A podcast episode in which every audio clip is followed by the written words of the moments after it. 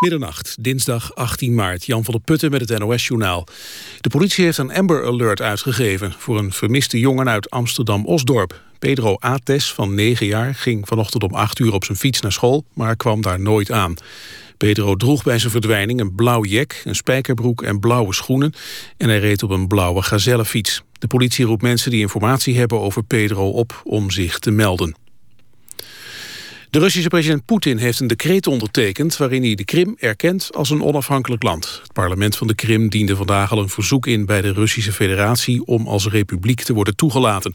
En ook werd beslag gelegd op Oekraïns staatsbezit... en werden de Oekraïnse strijdkrachten op de Krim ontbonden verklaard. De studenten die sinds woensdag een zaal van de Vrije Universiteit in Amsterdam bezet hielden, hebben hun actie beëindigd. Ze besloten tot een protestactie omdat ze vrezen dat het onderwijs aangetast zal worden door de bezuinigingen en een reorganisatie. Het is de studenten niet gelukt om die van tafel te krijgen. Wel hebben ze afgesproken dat ze in de toekomst zelf mogen toetsen of de kwaliteit van de opleidingen overeind blijft. De Rotterdamse vestiging van Polare maakt een doorstart. Medewerkers van de winkel hebben een akkoord bereikt met de curator... en gaan verder onder de oude naam Donner. Donner gaat verder op een andere locatie. De winkel gaat van de Lijnbaan naar de Koolsingel. Een 26-jarige vrouw is bezweken aan de verwondingen die ze opliep bij het ongeval bij het South by Southwest Festival in Austin, Texas.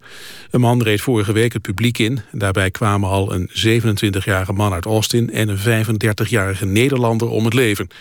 De 21-jarige bestuurder was op de vlucht voor de politie. Hij reed onder meer dwars door een afzetting. Dan nog het weer. Vannacht bewolkt, maar vrijwel overal droog. Minimumtemperatuur 7 graden. Ook overdag bewolkt en in de loop van de middag en avond... van het noordwesten uit buien. Aan zee veel wind en het wordt 13 graden. Dit was het NOS Journaal. Radio 1. VPRO. Nooit meer slapen.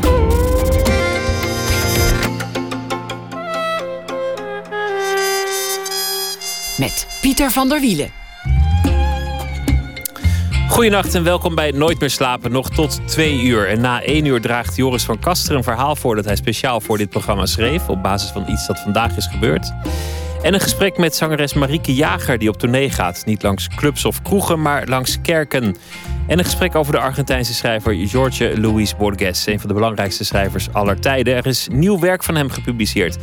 Maar we beginnen met Nico Dijkshoorn. Jarenlang werkte hij als bibliothecaris in Amstelveen. Speelde intussen in een band.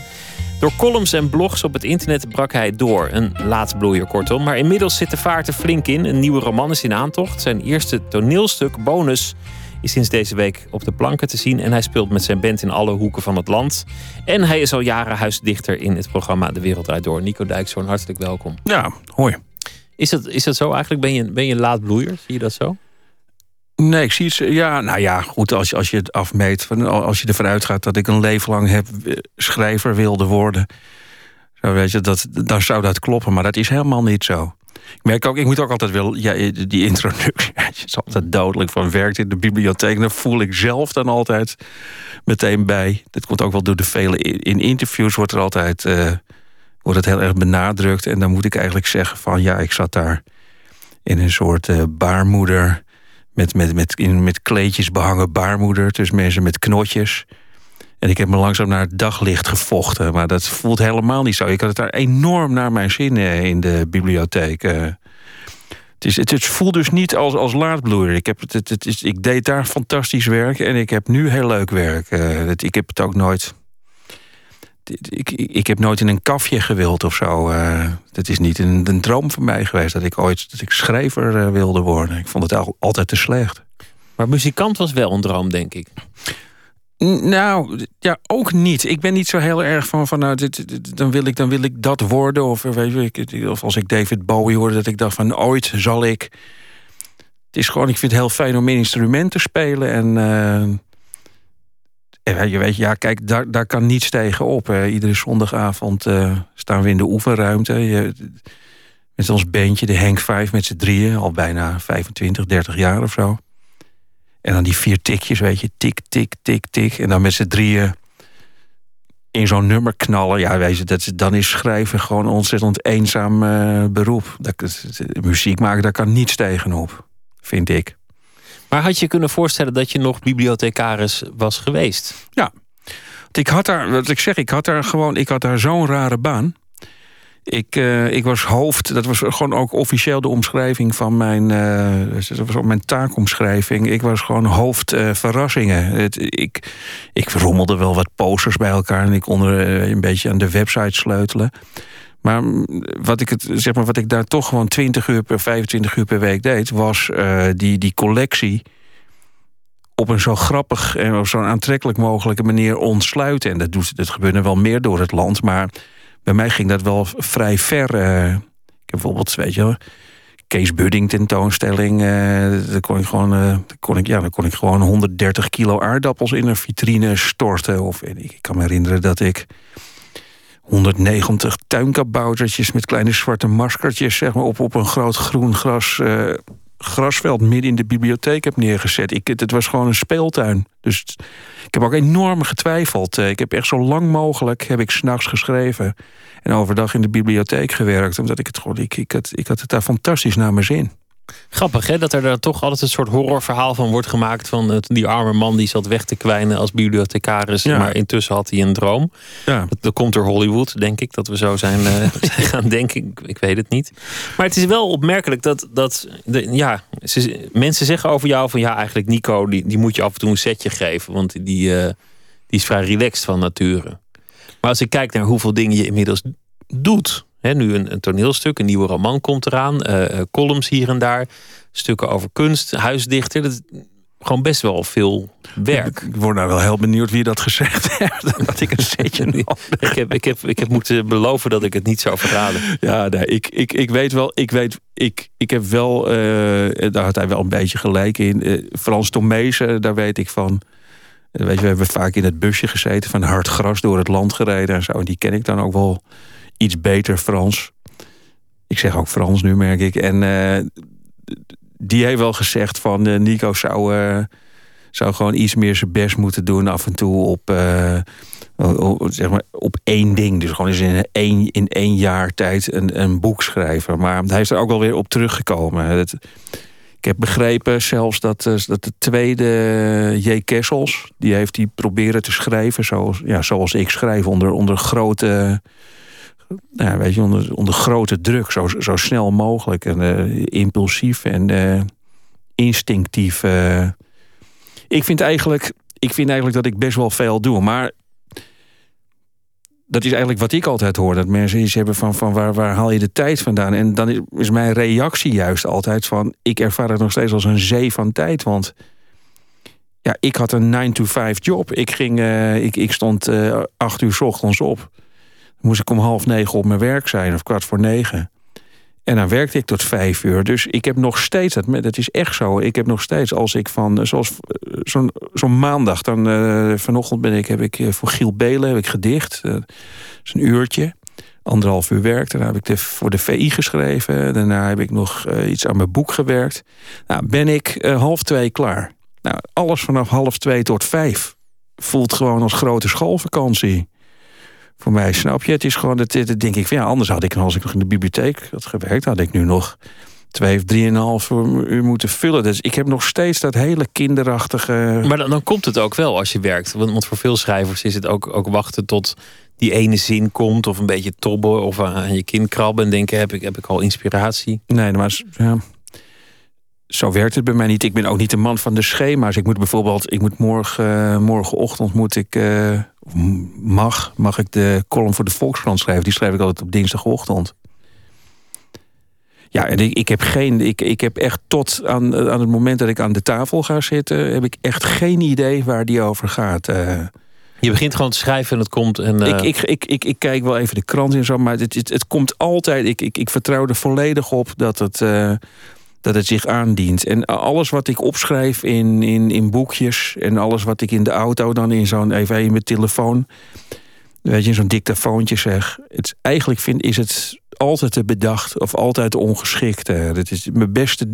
Ik vind de beste columns in de Volkskrant... zijn altijd de dingen die ik... Uh, ja, niet onder grote druk, maar gewoon zie ik relaxed. Ik ga gewoon zitten. Ik, ik voel waar ik, uh, waar, ik, zeg maar, waar, uh, waar ik me druk over maak, waar ik erg om heb gelachen, of, of wat me ontroert, of, of er is iets, iets een soort nostalgisch dingetje is er aan de hand. En daar, daar schrijf ik over. Dus ik maak me daar, ik maak me daar niet druk, niet druk om. Maar is er, is er dan werkelijk niks veranderd sinds de tijd dat je bibliothecaris was? Want het, het, lijkt er wel heel erg op, als, alsof er iets in jou is gebeurd dat je dacht van, goh, nu, nu moet ik gaan opschieten... of, of nu moet ik ineens uh, een nou beetje ja, nee, maar, maken. Ja, maar dat is gewoon dat is de leeftijd. Ik, ben, uh, ik, ik word 54. Uh, eh. kijk, als, als ik 19 was nu... Was ik, zat er gewoon een doodsbange jongen tegenover je. Want dan, dan, dan, zou ik heel, dan denk ik dat ik wel... Dan zou ik denk ik zeg maar wel die fantasieën hebben gehad van... oh, dat is mijn broodwinning nu. En dan moet ik nog een heel leven moet ik romans eruit gaan kakken om de twee jaar. Uh, en, dat heb ik helemaal niet. Uh, ik, ik, ik, ik, voel me zo, ik voel me zo vrij als een vogeltje. Ik, uh, ja, het, het, klinkt al een beetje lullig, maar dit is bijvoorbeeld het toneelstuk, weet je wel, waar, het, we gewoon weer op de planken staan. Dat ik gewoon met die jongens van de band op, in kleine komedie sta. Nou ja, dan kijken we elkaar aan het eind. Kijk ik opzij. Dan zie ik Fred, Fred van Klaver, onze bassist, waar ik dan al gewoon 15 jaar mee in een oefenruimte sta te emmeren kijken we opzij. En dan hebben we net in de kleine komedie gespeeld met, met groot succes. Een paar keer. Ja, ja, het is natuurlijk dat is zo een rare trip voor mij nog steeds. Dat is gewoon. Is het. Alles wat je overkomt, maar, maar het lijkt ook alsof je heel vrij bent en gewoon een beetje, ja, hoe, hoe zeg je dat? Niet echt zorgen over maakt. Dat, dat er niet, niet een slechte recensie kan jou dan kennelijk ook niet heel erg raken, bijvoorbeeld. Of, of daar ben je niet bang voor wat, wat ze zullen vinden. Nee, nee, want ik, het, het, bij mij is toch gewoon. Het, het, is, het geldt voor, alle, voor al mijn schrijfwerk, maar ook voor wat ik, met, wat ik in de muziek doe. Kijk, ik, ik, zal, ik ben natuurlijk het eerste om te uh, bekennen dat dat. Dat is gewoon een kroegband, snap je gewoon. Maar ik, als ik het sta te doen, ja, dan, dan ben ik gewoon van de, van de planeet. Dan val ik door tafels heen, dan val ik door stoelen heen. Ik word daar gewoon in, in, intens gelukkig van. En dat heb ik ook met schrijven. Ik word heel erg gelukkig schrijven. En ik ben daar, ik, over een heleboel dingen ben ik onzeker. Uh, maar uh, over mijn, kijk ja, over mijn werk ben ik wel gewoon ben ik wel zelfverzekerd. Want ja, weet je, een recensie of zo van ja, dan. Ik heb, precies, ik heb precies geschreven wat ik wilde schrijven. Anders had ik wel wat anders geschreven. Want het, het, ik voel me daar wel vrij in. Ik heb verder niks te bewijzen meer. Nee, want je koppelt het heel erg aan, aan de leeftijd. Niks te bewijzen meer. Van, van jonge mannen die maken zich daar, daar zenuwachtig over. Maar als je 54 bent, dan, dan weet je wel hoe het zit. En dan maakt het eigenlijk ook niet het, het heeft ook wel gewoon met ambitie te maken. Ik, ik heb nooit, wat ik je al vertelde net, van, ik, heb nooit, uh, ik, ik heb er nooit van gedroomd om schrijver te worden. Ik vind het gewoon heel leuk om te schrijven. En uh, ik heb ook, wat ik al zei, ik heb ook nooit van gedroomd om. Het was voor mij geen doel om in een kafje te komen. Dat ik het aan mijn moeder kon geven of zo. Van dat ik, ik vond juist internet, dat vond ik. Toen ik, ik ben op internet gaan schrijven. Ik heb de eerste vijf jaar heel veel geschreven op mijn weblog.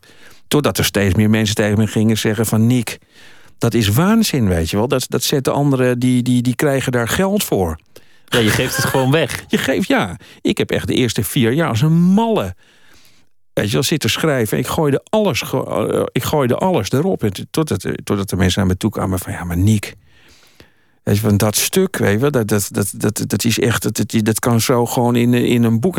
Van, ja, maar ja, waarom in een boek? Het, iedereen kan het nu lezen. En, uh, dus die, ja, daar is wel iets in veranderd inmiddels. Uh. Geniet je van het succes dat dat gekomen is? Ehm, ja, nou... Of ik nou echt van het succes geniet ik geniet er wel enorm van dat ik precies nu, nu doe waar ik het allergelukkigst van word. Uh, en dat ik daar mijn geld mee kan verdienen. Dat is wel, dat is wel, hele, dat is wel heel prettig. Dat ik, uh, dat ik gewoon met, met name met schrijven. Uh, ja, dat ik daar gewoon dat ik daar mijn brood mee verdiende. Maar, maar ik heb nou niet iets.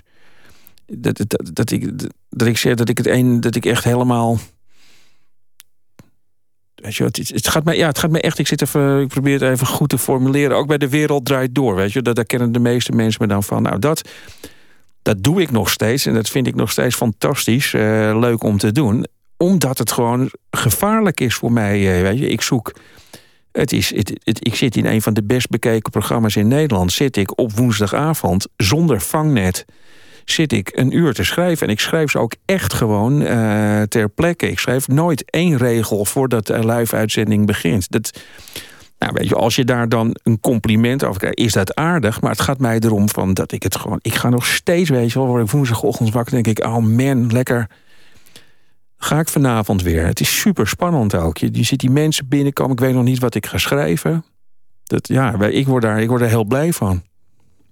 We gaan luisteren naar uh, muziek. En het zijn allemaal platen die op de een of andere manier iets te maken hebben met, uh, met jou. Oh, een van de liedjes die in de voorstelling voorkomt is van Tony Joe White. En het uh, nummer heet Polk Salad Annie. Wil je er nog iets over zeggen? Ja, ik heb die man in Paradiso gezien, een paar keer. En die komt in zijn eentje op. En er staat, er staat één gitaar. En dat is een gitaar die iedereen in iedere winkel kan kopen. Een Fender Strat staat een versterker die iedereen kan kopen. En hij, doet, slaat, hij gaat zitten, hij, raakt één snaar aan... en de hele zaal weet gewoon, ook als je geblinddoek zou zijn... hey, dat is Tony Joe White. En het is zo'n ontzettende relaxed groove man. En ook fantastische teksten, vind ik trouwens. Dit, ik, ik vind hem... Uh, in zijn eentje was hij in Paradiso. Dat is een van de swingelste concerten waar ik ooit ben geweest. We stonden gewoon aan het eind van de avond met wildvreemde mensen. Stonden we met allemaal zo gewoon zo'n zo, zo beetje te deinen in die zalen. Ja, ja meesterlijk. Ja. We gaan er naar luisteren. Polk Salad Annie.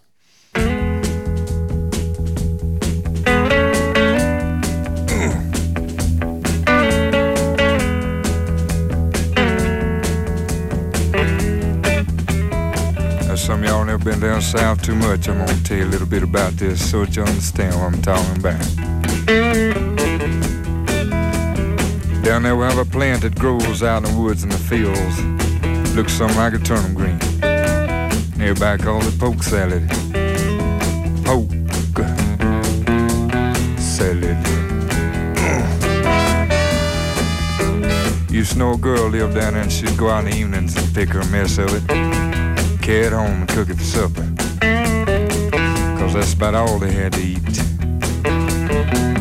They did alright.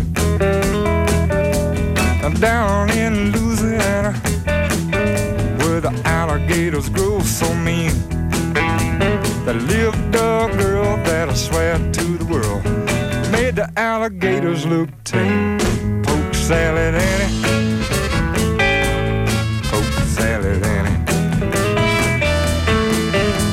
Everybody said it was a shame Cause her mama was a wicked on a chain gang. A mean, vicious woman.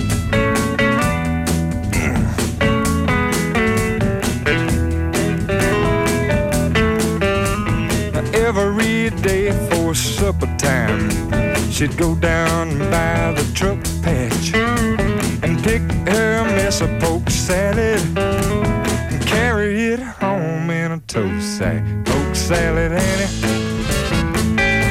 The gators got your granny. Chomp, chomp, chomp. Everybody said it was a shame. Cause her mama was a wicked on gang. A wretched, spiteful, straight razor tote moment. Lord, I must pick my mess up.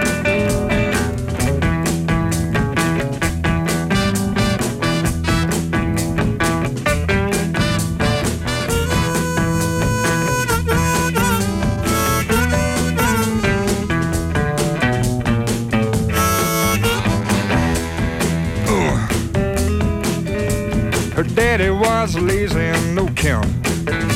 Claimed he had a bad back. All her brothers were fit for was stealing watermelons out of my truck patch. Poke salad, Annie. The gators got your granny. Everybody said it was a shame. Cause her mama was a wicking on a chain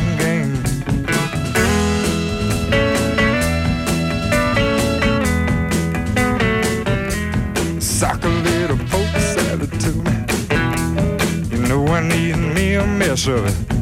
Good.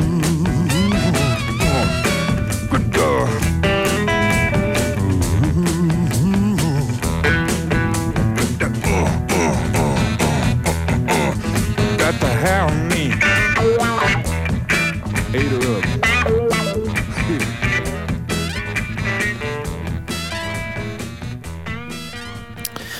Salad Annie uit 1968 van Tony Joe White.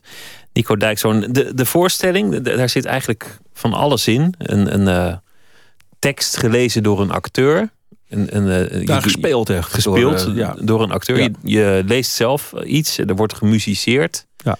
En ja, verschillende onderwerpen, thema's komen langs. Maar eigenlijk bouwt het ook een beetje voor op je, op je vorige boek. Nooit ziek geweest. Ja, over mijn vader. Het, gekke is, jij zegt dat nu. En ik had dat dus pas. We hebben hem uh, donderdagavond voor het eerst uh, gespeeld. De try-out in Amsterdam van die voorstelling. En toen speelde Jos, Jos Veldhuizen, die speelt het stuk, bonus. Is een stuk van ongeveer 50 minuten. En daaromheen doe ik nu inderdaad nog twee keer een uh, 20, 25 minuten lees ik nog teksten voor. En ik zat naar dat stuk te kijken. Ja, dat, en en uh, ongeveer na een kwartier dacht ik van... Het, het gaat weer, het gaat weer over mijn vader. Zo van, ik, dat, dat heb ik toch gewoon niet in de gaten gehad... toen ik het aan het schrijven was. Dat het toch weer gewoon gaat over... Uh, over een, ja, weet je wel, over een man die, die, die echt keihard over de rug van andere mensen uh, een, een podium zoekt. Letterlijk in dit geval. Bonus is echt iemand die op een hele sluwe en uh, op een hele sluwe en vervelende manier uh, zich gewoon het podium uh, op heeft gevochten. En daar zit je als publiek, je, je zit min of meer opgezadeld met iemand die op een podium wil staan. Dat is, dat, dat is, daar gaat het stuk over. En dat is uiteindelijk toch weer mijn vader. Die altijd het podium zocht en altijd de aandacht wilde. Ja, trekken. die vond het heerlijk. Net, trouwens, net zoals ik. Uh, hopelijk ik wel iets op een andere manier. Maar net zoals ik, uh, weet je, vond, vond mijn vader het uh, prettig.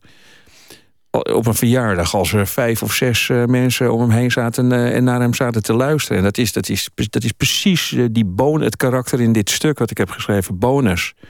Ja, dat is ja, blauwdruk eigenlijk gewoon toch, toen ik het zag. Toch, toch weer die vader. Ja. Het, het, boek Nooit ziek geweest. Ik, ik heb het dit week, week einde gelezen. Met, met, met heel veel genoegen. Nou, het, het was eigenlijk door veel mensen besproken als een soort uh, afrekening of, of een aanklacht. Ja. Maar toen ik het boek las, dacht ik, er zit, zit wel veel meer in dan dat. Ik, ik las het eigenlijk als een, als een gesprek waarvan het jammer is dat het nooit echt heeft plaatsgevonden. Ja, nou ja, dat, dat is echt spot on. Want dat is precies ook de reden geweest waarom ik het boek ben gaan schrijven. Dat, ik, ik, mijn vader kreeg Alzheimer. Een hele stoere en, en leuke en wilde en grappige man was het. Uh, ook tijdens, tijdens zijn leven heel weinig moeite mee gehad eigenlijk. Uh, lees je ook in het boek. Toen werd hij ziek en toen werd ik eigenlijk heel... Vreemd genoeg werd ik heel kwaad op hem toen hij, uh, toen hij voorkomen hulpeloos in een, in een verzorgingstehuis zat. Op de een gesloten afdeling. Uit Alzheimer. Hij was eigenlijk al te ver heen om nog met hem, om, om echt met hem in contact te treden. En dat is volgens mij precies de trigger geweest voor dit boek. Ik, ik zat tegenover mijn vader en ik kwam er daar eigenlijk achter, begrijp ik pas heel veel later toen ik het boek geschreven had. Van, dat er een soort teleurstelling bij mij, dat ik erg teleurgesteld was van dat, dat, dat, dat er eigenlijk nooit een gesprek gekomen is tussen ons twee. Weet je wel, zo'n Zo'n zo, zo klassiek gesprek. Zoon bij stervende vader aan bed. En uh, elkaar nog eens goed aankijken. En uh, van uh, hoe, hoe is dat nou geweest, dat leven van jou? En, en vooral ook het omgekeerde verlangde ik diep naar. Dat, van hoe is dat leven van jou, Nico? Wat, wat ben jij allemaal aan het doen? weet je, vragen die jij mij net stelt. Van van, van, van geniet je van, van, het succes? Of is het succes? Weet je, dat, dat, dat is gewoon, dat is, dat is nooit gevraagd. Hij had sowieso gewoon geen, geen idee wat ik gestudeerd heb en zo. Dus dat, ik zat daar, ik zat daar bij in het verzorgingshuis en uh, ja, dat voelde ik zo van. Ik heb inderdaad, uh, wat jij, wat jij laat. net zegt, het is te laat, ja. Het is gewoon, je ontglipt me. Hij is een, een, een, demente man geworden dan. Dan ja. zie je die man daar zitten in het, in het verzorgingshuis. Uh, achter een drumstelletje op een gegeven moment. Ja. eigenlijk het een gedeelte waar, waar het ook aandoenlijk wordt. Waarin ik, waarin ik ook sympathie voor de man kreeg. Ja. Maar dat gesprek gaat niet meer komen. Nee. En dat is, weet je wel, en on, het, dus het is inderdaad precies, het is, ik vind het niet een knetterharde afrekening. Ik beschrijf hem ook als een hele grappige en een gedreven man, die ook gewoon, weet je wel, het, gewoon letterlijk altijd voor iedereen klaar stond. En, uh, het, weet je, en het inderdaad heerlijk vond om in het middelpunt van de belangstelling te staan. Zo beschreef ik hem. Maar ja, ik beschrijf ook uh, de, de andere kant uh, eh, van hem. En het grappige is, als ik nu, ik lees er veel uit voor, als ik in, weet je, als ik voorlees in bibliotheken of tijdens festivalletjes, literaire festivalletjes of zo.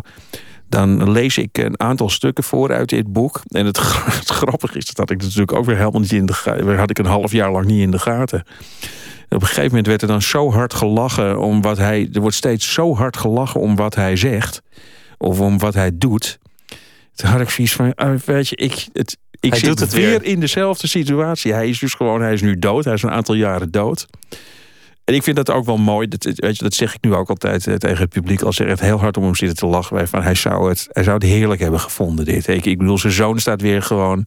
Zijn zoon staat iets te vertellen, maar u zit het allerhardst om, om hem te lachen. Het is gewoon, ja, dat is, dat is waar het boek over gaat. Uh, dus dat is, hij, dat is... hij wil de aandacht. Op, op feestjes is hij degene die... Uh, ja, die altijd iets uithaalt om de aandacht te trekken. Ja. Als, als er gekookt moet worden, dan, dan wil hij nasi maken, want dat kan die. ja, Of, ja. of, of we moeten, uh, iedereen moet naar dat restaurant waar hij de eigenaar kent. Want dan kan hij pochen van, kijk, ze kennen me hier.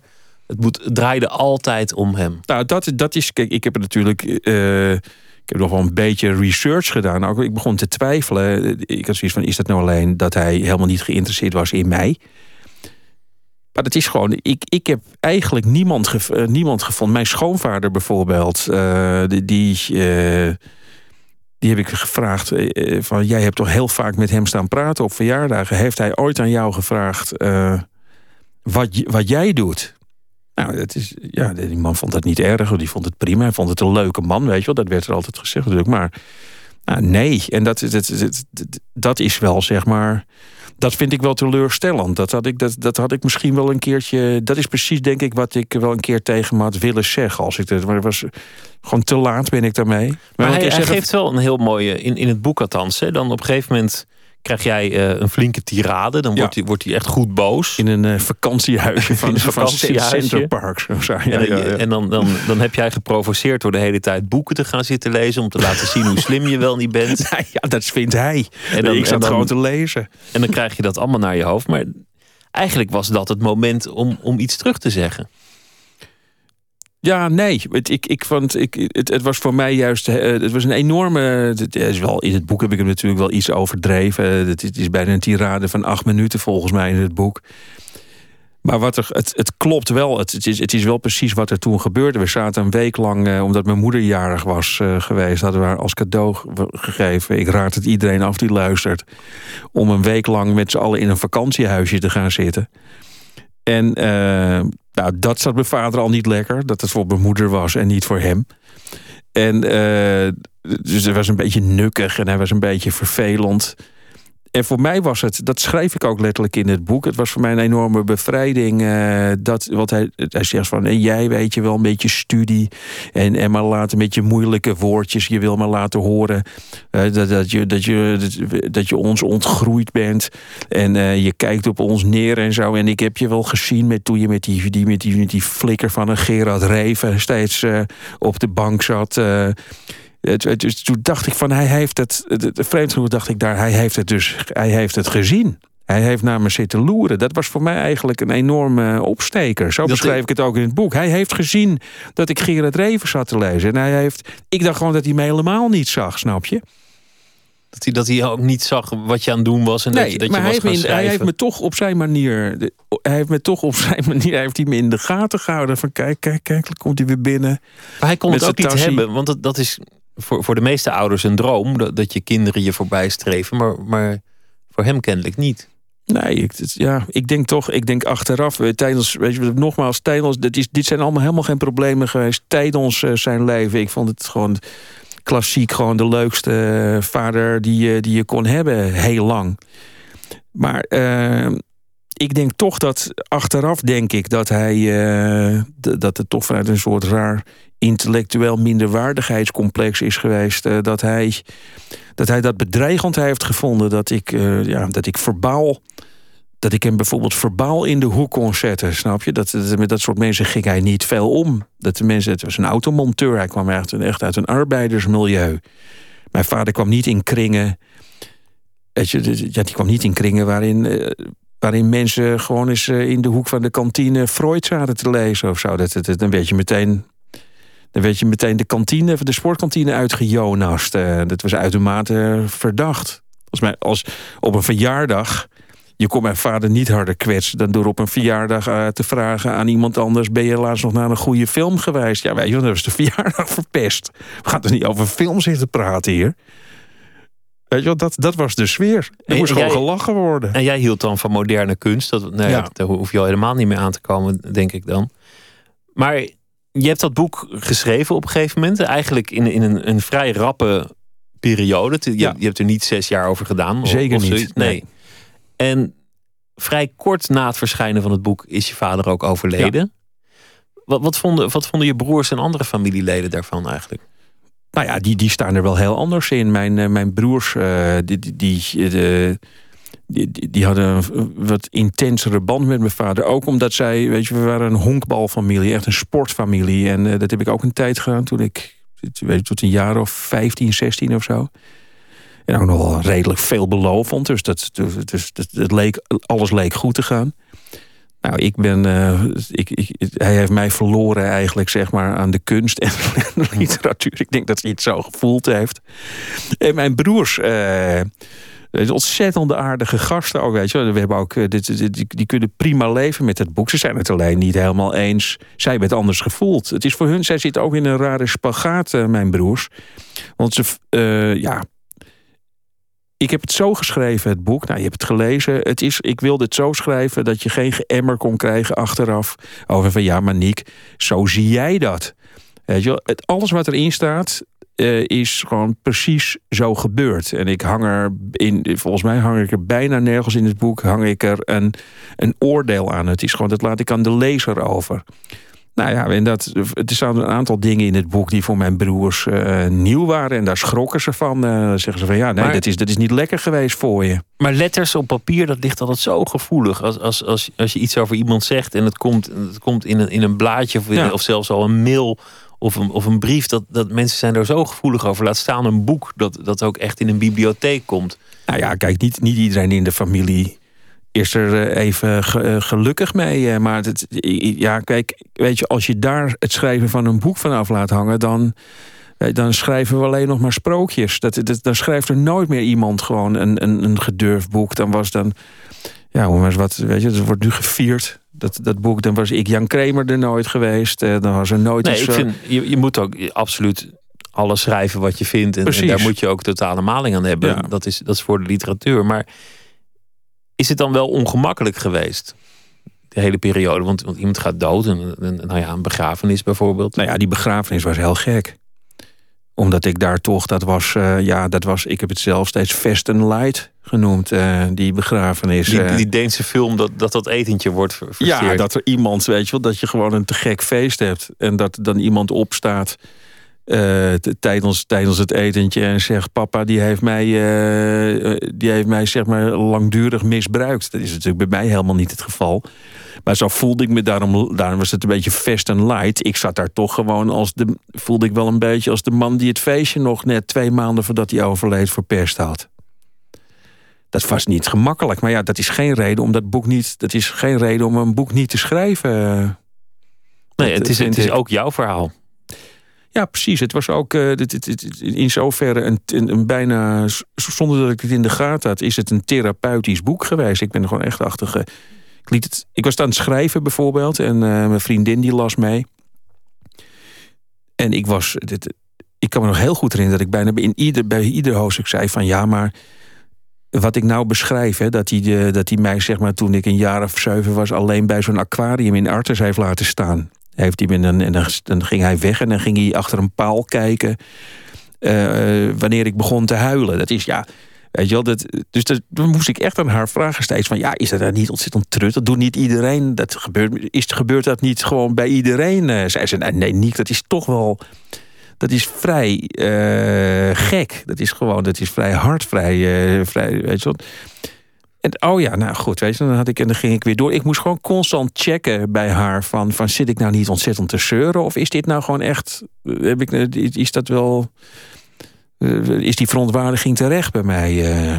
Dus, ik moest, dus in zover was het een therapeutisch boek dat ik er langzaam achter kwam dat het toch wel gewoon ja, dat het toch een hele dwingende en beslissende man is geweest in mijn leven. En dat heb ik helemaal niet in de gaten gehad. Toch zeg je zelf dat jullie ergens heel erg op elkaar lijken. Ja.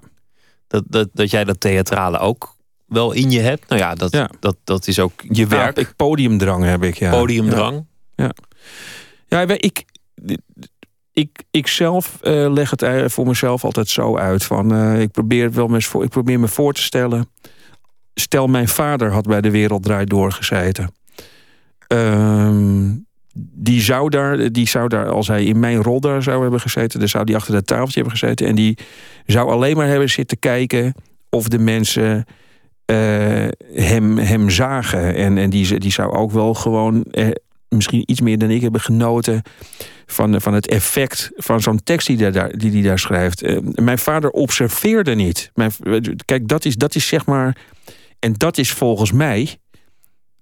Als ik dat even over, toch maar even over mezelf mag zeggen. Ik vind dat dat, dat, dat mijn kracht is in mijn boeken en bij de wereld door. Dat ik mensen zie. Ik, ik zie het ongemak, eh, weet je wel, als gasten binnenkomen. Ik zie, eh, ik, ik voel ongeveer aan wat, er in zo'n studio aan de hand is. Als ik in een kamer zit, voel ik het ongemak van mensen. Dus ik ben een observator. We hebben allebei podiumdrang. Alleen ben ik veel meer volgens mij een observator dan mijn vader. Wat, wat heeft jou uiteindelijk... Bedoel, is, is dat gewoon aanleg? Is dat, is dat eh, genetisch anders dat, dat jij dat wel hebt en, je vader niet? Komt dat van je moeder? Of, of is er een punt in je leven geweest dat je daarin bent veranderd? Dat je, dat je, je hebt gerealiseerd dat dat misschien wel een valkuil zou zijn om te worden als hij. Nou, maar zo heb, ik het, zo heb ik het nooit beleefd. Ik heb, eh, ik heb tot, eh, ik, wat, ik, wat ik net zei, van, ik heb tot, nou ja, eh, zeg maar tot dat vakantiehuisje wat jij net beschrijft, toch vond ik het gewoon, was, was alles koek en ei eigenlijk, eh, op wat kleine conflictjes na. eh, maar het, en pas daarna, eh, ik denk dat het, het, zeg maar, het moment dat ik echt begon te beseffen van, van hé, hey, wat, wat, wat, er is hier toch wel iets geks aan de hand, is toen ik zelf, toen mijn, mijn kinderen, ik heb een zoon en een dochter die nu 19 en 21 zijn. Toen die een leeftijd gingen bereiken dat ik, eh, dat ik, dus, nou, weet je wel, dat ik moest ingrijpen in hun leven, of dat ik gewoon dat ik, of dat ik beslissingen moest nemen, of dat ik, of bijvoorbeeld als zij mij enorm ontroerde, als mijn dochter Weet je, die, die, die was fotograferend ontdekken. En dan merkte ik gewoon hoe mij dat ontroerde, hoe ze daarmee bezig was. Ja, dat was, dat was voor mij wel de confrontatie. Dat ik dacht van, dat heeft mijn vader volgens mij echt nooit gehad bij mij. Dus, dus door zelf vader te zijn, Ja. realiseerde je ineens hoe, hoe dat was. Ja. Je maakt natuurlijk ook deel uit van een cultuur die, die in het boek wordt beschreven, die, die ook wel grappig is, maar dat is ook een vrij direct en harde omgang met elkaar. Ja. Elkaar ook een beetje, eh, Dolle, ja. weet een beetje je, dolle, ja. een beetje te kakken zetten hier en daar. Dus het, het, is niet, het is niet een cultuur waarin het heel makkelijk is om, om jezelf heel kwetsbaar op te stellen. Nee, dat, dat, dat, is bij ons, dat is bij ons heel ingewikkeld. eh.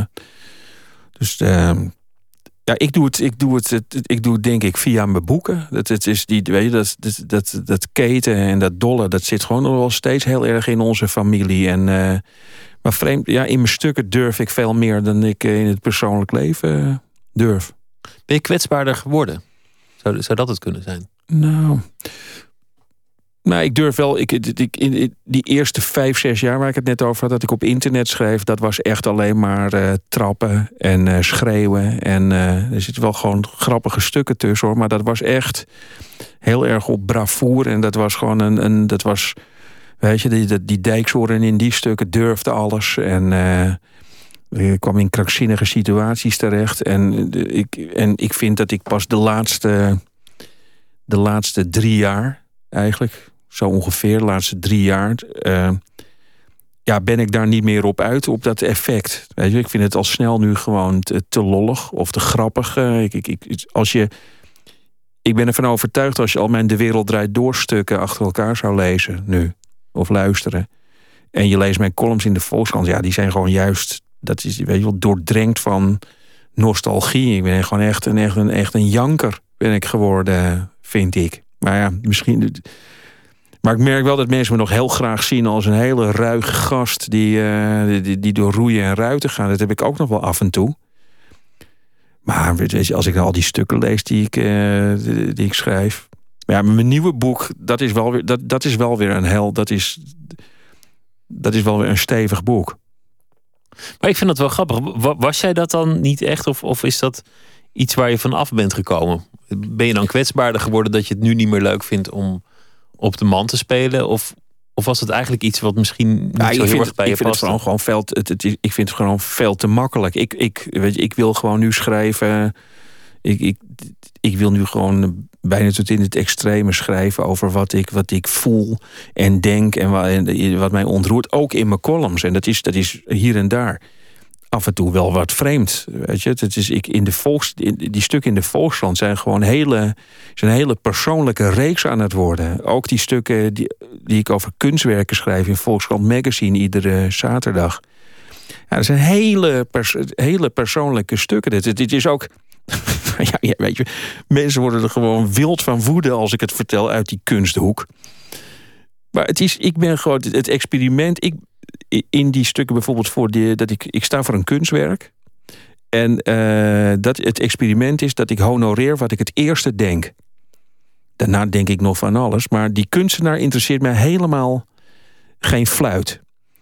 Ik, ik, sta, ik sta voor een kunstwerk. En als mij dat doet denken, als dat een herinnering oproept aan, uh, weet je wel, aan dat ik een jaar of zes was, als het weer schaamteloos nostalgisch is, daar ben ik dan eerlijk in. Van, ik, zou, ik zou af en toe heb ik, ik heb vaak ik denk ik had liever iets anders gedacht. En je had niet de grote theorieën erbij, of je gaat niet Som, in op het nou, proces van soms maken? wel. Soms ben ik, uh, weet je wel, soms ben ik heel erg wel. Is het kunstwerk blijkbaar zo gemaakt of heeft het zo'n maakt het zo'n indruk op me dat ik wel wil weten wie de kunstenaar is en daar schrijf ik daarover. Maar ik vind het, weet je, ik, wat mij vooral verbaast is uh, dat dat nou, dat dat door veel, veel mensen, dat merk je toch aan de reacties, als iets bijzonders wordt gezien, dat je op die manier over kunst spreekt. Terwijl het voor mij juist gewoon zo logisch is dat je op die manier over kunst spreekt. Maar het is uh, ook, ook hier wat je eerder zei: van nou ja, ik, ik ben op een leeftijd dat het me niet meer zoveel uitmaakt wat mensen denken. Ja. Dus ik ben in zekere zin bevrijd. Want het is natuurlijk iets waar je gegarandeerd kritiek op zult krijgen. Als je zomaar iets gaat schrijven over, over kunst. Terwijl heel veel mensen daar. Uh, enorme beroepen, carrière en ego's aan Ja, maar aan jij ontleden. zegt, jij zegt dat, maar ik ben daar dus blijkbaar heel naïef in. Ik had het dus helemaal niet in de gaten. Weet ik veel hoe ze in die wereld. Ik heb hetzelfde. Ik schrijf ook voor Voetbal International. Ik ken die voetbalwereld niet. Nou ja, het, het schijnt gewoon. Weet, dat die, al, iedere week schijnt die column als een bom bij die clubs binnen te vallen. Maar ik weet dat helemaal niet. En ik wil het ook niet weten. Snap je? Ik bedoel, daar schrijf je niks meer. Wat, wat, wat zal als ik over kunst ga schrijven, ga ik toch niet eerst door het hele land toestemming vragen of ik misschien tegen schenen schop. Maar ik vind het wel mooi, want het, het, het lijkt op een soort proces van zelfverwezenlijking. Dat, dat je eerst stukken schrijft, om, omdat het kennelijk aanslaat, of dat je dat Ja. gewend bent, die, die hard en op de man zijn, eh, geen stijl en, en, en dat soort dingen. Ja. En dat je, dat je vanuit daar ineens in al je kwetsbaarheid een, een, een nostalgische, eh, hoe zei het zelf ook weer, een nostalgische dwel bent geworden, zeg maar. Dat je Ja. dat, je dat Ja, maar toen, blijkbaar was ik toen ik die, die ruige stukken schreef. eh, ik weet nog wel dat ik, ik weet wel dat ik daar ontzettend veel plezier aan beleefde. Het is gewoon, ja, dat is wel een beetje de rode draad. Ik, ik volg gewoon maar, ik, ik volg gewoon maar mijn gevoel. Ook, met, ook trouwens met dat toneelstuk waar we het nu net over hadden. Dat denk ik van ja, dat is toch. Dat heb ik dan pas ook vrijdag of donderdag had ik dat tijdens de voorstelling in de gaten. Ik denk het. Dan zeggen mensen tegen me van jongen, dat wat een rare vorm. Dat heb ik eigenlijk gewoon. Ik ken dit niet. Een schrijver die twintig minuten voor zijn eigen, door, voor zijn eigen toneelstuk, dus dus eigen, door hemzelf geschreven tekst, wat verhaaltjes doet. Beetje, ik, ik, ik kom gewoon op. Het is heel los uit de pols. Ik schrijf, ik heb zelfs dingen nog ochtends geschreven, maar andere keren weer niet. Ik doe daar in die eerste 20, 25 minuten precies waar ik zin in heb. En eh, dan kondig ik mijn eigen stuk aan. Dat speelt Jos. Daar ben ik super trots op eh, wat, ik, wat ik gemaakt heb. En dan kom ik daarna gewoon, kom ik het podium weer op. Zeg ik, nou, ik hoop dat u het leuk hebt gevonden. Eh, ik doe nog eventjes, ik, speel, ik wil nog een paar liedjes spelen. Het is gewoon een soort, ja, voor mezelf georganiseerde bonte avond. Waar, weet je, waar, waar het, en ja, ik zat, ik zat met Jos, de acteur, mijn vriend. Zaten we daar op donderdagavond, eh, of we belden elkaar vrijdag. Ja, weet je wel, twee gierende jongetjes Zo van man, man, man, wat was dat, wat was dat, wat was dat fijn gisteren. Wat jongen, jongen, wat was dat grappig.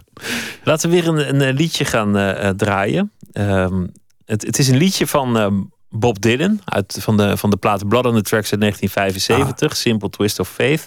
Maar dan uitgevoerd door iemand anders, de zanger van Wilco, Jeff Tweedy. Mijn held, ja. Dat is een held van jou. Ja, die heb ik het beste...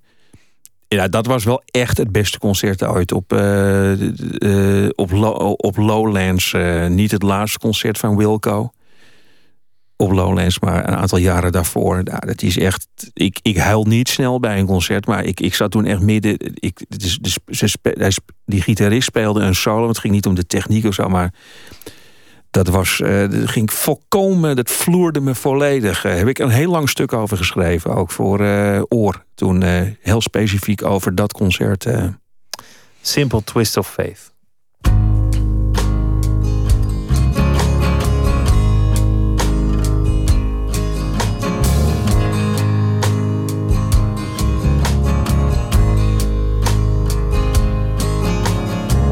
They sat together in the park As the evening sky grew dark, she looked at him and he felt a spark tingle to his bones. It was then he felt alone and wished that he got straight and watched out for a simple twist of fate. They walked along by the old canal a little confused, I remember it well. Stopped into an old hotel with the neon burning bright. He felt the heat of the night hit him like a freight train moving with a simple twist of fate. A clarinet someplace softly played she was walking on by the arcade. She heard the melody rise and fade. The sign was coming up. She dropped the coin into the cup. The blind man at the gate and forgot about a simple twist of fate. He woke up and she was gone. He didn't see nothing but the dawn. He got out of bed, put his clothes back on, pushed back the blind. Found a note she'd left behind, to which he just could not relate. All about a simple twist of fate. He hears the ticking of the clocks and walks along through the city blocks. Hunts her down by the waterfront docks where the sailors all come in. Maybe she'll see him once again. Oh, how long must he wait? One more time for a simple twist of fate. People tell me that it's a crime to feel too much at any one time. She should have caught me in my prime. She would have stayed with me instead of going off to sea and leaving me to meditate upon that simple twist of fate.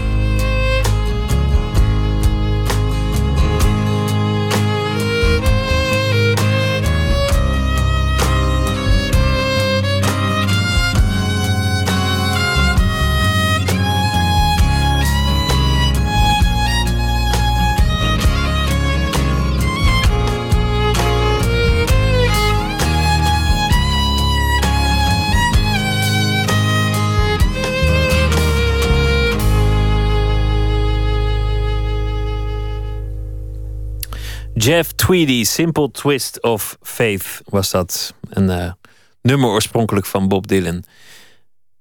Het is, het is eigenlijk alweer een poosje geleden dat, het, uh, dat je het boek hebt geschreven over je vader. Ja. Ben je inmiddels van- lang, ja. ja. En, en je zei dat het eigenlijk in een heel korte periode tot stand gekomen. Ja. En tijdens het schrijven kwam ik erachter dat het anders zat. Ben je niet bang dat je op een, op een dag van gedachten verandert? Zoals dat kan gaan. Dat je denkt, ja, ik zie, zie ineens heel erg de andere kant. Dat, is- ja, dat zou ik prachtig vinden. Dat, dat, dat, eh, dat, dat, dat kan natuurlijk. Eh, dit, dit, dit, is, dit is wat ik voelde toen mijn vader Alzheimer had... en toen hij eh, langzaam wegglipte. Het zou heel goed kunnen zijn dat ik over eh, 10 of 15 jaar... zelf weer in een levensfase zit... dat ik denk van, jee, ik word zelf wat, wat hulpbehoevend en zo. Dat heeft die oude van mij misschien ook wel gewoon gevoeld. Dat, dat weet ik niet. Oh ja, dan moet je tegen Dat die tijd gewoon een ander boek. Ben je bang over hoe je kinderen later over jou zullen denken? Want dat lijkt me als je ouder bent, als je hebt voorgepland zo'n verantwoordelijkheid, dat die kinderen later over jou zich een oordeel gaan vormen en dat ook op zichzelf betrekken. En Nee, dit, dit, dit ben ik niet. Ik, ik ben daar niet bang voor. Toch? Dat is het vraagje. Ja. Toch? Of, eh, nee. Nee, ik, ik, ik geloof wel dat zij, eh, zonder dat ik dat heel erg hoef te forceren, maar dat is gewoon, dat gaat voorkomen natuurlijk. eh, dat, dat zij voelen dat ik, eh, dat ik van, eh, op enige afstand enorm aan het genieten ben, zeg maar, van eh, welke kant, hoe, ze hun, hoe ze het leven induiken. Weet je wel? Dat, dat, het, en dat, dat, ik weet zeker dat ze dat voelen. En dat, dat, en dat is. Dat is zeg maar wat ik niet echt heb gevoeld. dus dat, dat, dat, vind ik, dat vind ik al winst. En dat, ja, weet je wat, dat, eh, ik, schrijf er, ik schrijf er weinig over. Ik heb wel in het Boekenweek essay heb ik een paar brieven aan mijn dochter eh, heb ik gepubliceerd toen, weet je wel, waarin ik. en je zei van, ik, ik ben niet je vriend. Ik, ik, ben, ik ben je... Exact, ja. Ik, hoor- weet je, ik, je hoort wel eens, je hoort wel mensen in. dat, dat zei mijn vader ook altijd. Hè, van, ik heb dat zelf ook heel veel gezegd over hem. Het is natuurlijk een enorm cliché, zeggen heel veel mensen over hun vader. Van nou, weet je, wat, het is zo. Ik heb zo'n fantastische band met mijn vader. Het is gewoon geen vader, maar is gewoon een, is een, is een vriend. En in een brief aan mijn dochter, en dat staat in, in het boekenweek essay, schrijf ik haar van ik zat van net, en zo is het ook werkelijk gebeurd. Ik zeg, ik zat net in de tram. En toen zaten er twee mensen te, voor mij. En toen hoorde ik dat ene meisje tegen het andere meisje zeggen van... mijn vader, dat is helemaal geen vader voor me, dat is geen vriend. En ik wil niet, weet je wel, ik wil niet dat dat bij ons zo is. Van ik ben, ik wil, weet je, ik wil uiteindelijk... wil ik gewoon ook je vader zijn. hè. En dat, dat, weet je dat, zonder dat dat heel autoritair of hiërarchisch is. Maar Wat is dat dan eigenlijk, een, een vader zijn? Ik bedoel, een vader, ja, in, in biologisch is het vrij makkelijk. Dat is namelijk dat je dat je, je genen er, erin hebt gestopt. Maar wat houdt het dan in, een vader zijn? Ja, dat je, nou ja, wat, wat, ik, wat ik net zeg, dat je, eh, zeg maar, dat. Mijn vader, mijn, va- eh, mijn vader en ik gingen gewoon met elkaar om alsof we, weet je wel, alsof, alsof we broertjes waren. Dit, ik wil dat ze ook voelen dat ik me zorgen maak over hun opvoeding. Weet je wel, van of dat waar, of hoe Dat ze, je trots bent, bijvoorbeeld. ja, maar ook wel, ja. En of, het, of dat, ik, dat, ik, dat ik daarmee bezig ben. En dat ik, dat ik eh, denk van, eh, gaat, eh, gaat het goed met die twee? Zijn ze, zijn ze gelukkig? Eh, dat, dat, ik vind, dat, dat vind ik iets voor een vader. En niet voor een... En niet heel direct iets voor een eh, vriend met... eh, ik zeg niet dat er afstand moet zijn. We zijn super close, eh, kinderen en ik. Maar... maar dat moet niet, oude jongens. Het moet, weet je, als het alleen maar oude jongens krentenbrood is, dat zou ik niet goed vinden. Ik wil dat ze gewoon ook af en toe weten van hij maakt zich, hij maakt zich zorgen of, of, of, of, of, of, hij is heel erg trots op me. Dat vind ik wel belangrijk. Dat, dat is exact wat je gemist hebt bij je, Dat denk ik wel. Ja, eigen, eigen Ja, vader. ja. Er komt een nieuw boek aan. Ja. Eh, die, die is al zo goed als klaar, Ja. eh, meen ik. ja, nee, dat klopt. Waar, is- waar, ga- waar gaat die over? Ja, dat is, die is, ik kan het het beste uitleggen, zeg maar, hoe die, eh, zeg maar, wat, wat, wat, wat, net zoals bij Nooit Ziek geweest heb ik net verteld wat het beginpunt was van het boek. Blijkbaar is dat voor mij heel belangrijk. Dat kan één, is steeds één ding. En eh, ik had het, eh, ik, toen ik naar de begrafenis van Harry Moelis keek, toen eh, waren die twee, zijn twee dochters, die spraken in de stad Schouwburg. En een, de, de, een van de dochters zei, ik citeer niet letterlijk hoor, maar een van de dochters zei: eh, Papa, die stond huilend naast de kist en die zei: Papa, eh 16 pagina's in de Volkskrant vandaag. En eh iedereen weet je, dus dit. En toen kwam die andere dochter, ik, ben haar, ik, ben, ik weet hun namen niet. Eh, en die stond ook naast de kist en die zei: eh, Toen papa ehm, als ik thuis was, dan was ik op me heel gelukkig als mijn moeder, dan bakte mijn moeder een taart. En dan had ik mijn vriendinnen, die waren over de vloer. Dan rook het huis, dat rook naar... Uh, dat, rook lekker en zo. En dan zei ze letterlijk, eh, volgens mij zei ze toen bijna letterlijk... en dan kwam mijn vader binnen. En dat zei ze gewoon in een zaal vol bewonderaars... over haar eigen vader. En dat vond ik zo, uh, dat kwam bij mij, dat, dat kwam erbij zo enorm uh, hard binnen. Dat je dus, uh, dat zij op het moment suprem gewoon door de mythe heen durfde te prikken. Dat ze gewoon in een zaal met dwepers, want dat vond ik echt, weet je wel, die krankzinnige vertoning over de Amstel naar dat kerkhof en en een prachtige plaats uitgezocht en de lucht brak open en het was Harry zelf die ons nog een knipoog gaf dat brak zij dwars doorheen. En toen dacht ik van daar. En toen merkte ik dat mij dat, mij dat enorm uh, bewoog. En dat het ook resoneerde met allerlei andere dingen waar ik me eh, druk over maakte. Het gaat weer heel erg over bewondering. Uh, bewonderd worden en hoe je daarmee omgaat. En dit, is, dit boek gaat eigenlijk over. Ik kan zo'n hele reeks opnoemen. Het gaat over John Belushi. Het gaat over uh, Meijer. Het gaat over Martin Bril. Uh, het gaat over uh, Hunter S. Thompson. Het gaat over Hemingway. Het gaat allemaal mannen die zeg maar extreem worden bewonderd. En steeds iedere keer als ik een biografie van ze las, was ik ze kwijt. Dacht ik van dit zijn met name voor hun, voor hun partners, vaak vrouwen dus, toch zijn dat onmensen geweest? Zijn dat vreselijke mensen geweest? En wat, wat vind jij in essentie belangrijker? Want eigenlijk is voor allebei iets te zeggen. Voor, voor het zijn van een, van een lieve uh, huisvader is veel te zeggen. Maar voor het zijn van een literaire legende is eigenlijk ook best veel te zeggen. Ja, nee, het, dat is wel zo. En dat is ook precies waarom ik ze bewonderde. Weet je, ik viel mhm. als een blok voor Bukowski. En ik viel als een blok uh, voor, uh, voor Reven ook een heel, weet je. Dus het is, het is ja, voor, voor heel veel Nederlandse schrijvers. In, maar in de muziek ook. Uh, Miles Davis was ook geen aardige man. Exact. Lou Reed, weet je wel. Dat is ook een, dat is ook een, een, een moeilijke man. Maar, en weet je, dat, dat is dus dat, is dat artiest. Dat is, dat is zeg maar dat... Ja, dat is zeg maar dat heel zelfzuchtig en egoïstisch kiezen, kiezen voor een uh, art, artiestenbestaan. Ik heb het ook, Simon Finko zit ook behoorlijk stevig uh, in het boek. Heeft me altijd verbaasd. Ook ik, ik heb tranen, echt met tranen in mijn ogen laatst naar die documentaire gekeken over de zoon van, uh, de zoon van Simon Vinkoog. Die dan uh, een soort verhaal gaat halen bij Simons weduwe. Van dat ging nou niet zo lekker vroeger. En die krijgt me daar toch een pak op zijn donder van haar. Van jij moet eens weten hoe jij Simon, waar jij Simon een verdriet hebt aangedaan. Want Simon die was aan het scheppen. En Simon die, die, die had andere dingen aan zijn hoofd. Wij tegen een, tegen, tegen, tegen een jongetje. Maar er zit eigenlijk ook iets in wat, wat bij jou heel erg speelt. Een soort afkeer van de grote kunstenaar. Dat je, dat je wel kunstenaar bent, maar niet, niet op die manier zo'n mythologische grote nee, ik vind, kunstenaar ik vind, wil zijn. Ja, nee, als, het echt, als, als het echt heel megalomaan wordt en ook filijn, hè? want ik, ik, ik heb het, nou ja, bijvoorbeeld, je kan zo duizenden voorbeelden noemen. Ik, bijvoorbeeld Ischa Meijer, die wordt natuurlijk, ja, natuurlijk, dat is een meester-interviewer. En dat kunnen we allemaal terugzien op, weet je, op DVD, je kan het allemaal lezen. Maar ik heb die biografie van Gijs Groenteman gelezen. Ja, weet je, je bent hem in twee hoofdstukken, wil je die man met een schep op zijn achterhoofd slaan. Zo'n strontvervelende, ja, egomane... Een, uh zakkenwasser was dat, weet je wel. Die gewoon uh, bij, de, een vrouw, eh, bij een vrouw een kind verwekte... en daar gewoon zijn tas pakt, want daar had hij geen zin in. Ik, ik verzin niks. Dat is het, of Gijs moet het verzonnen hebben. Nou, daar, en het boek, het grappige vind ik... dat, is, dat, zeg maar, dat was...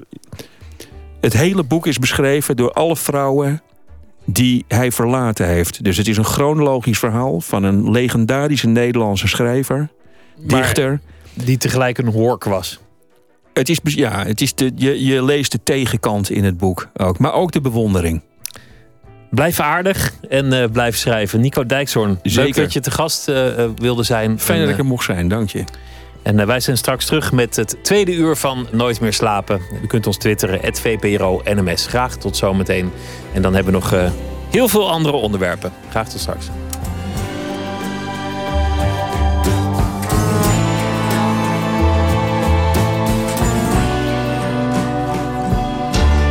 Radio 1.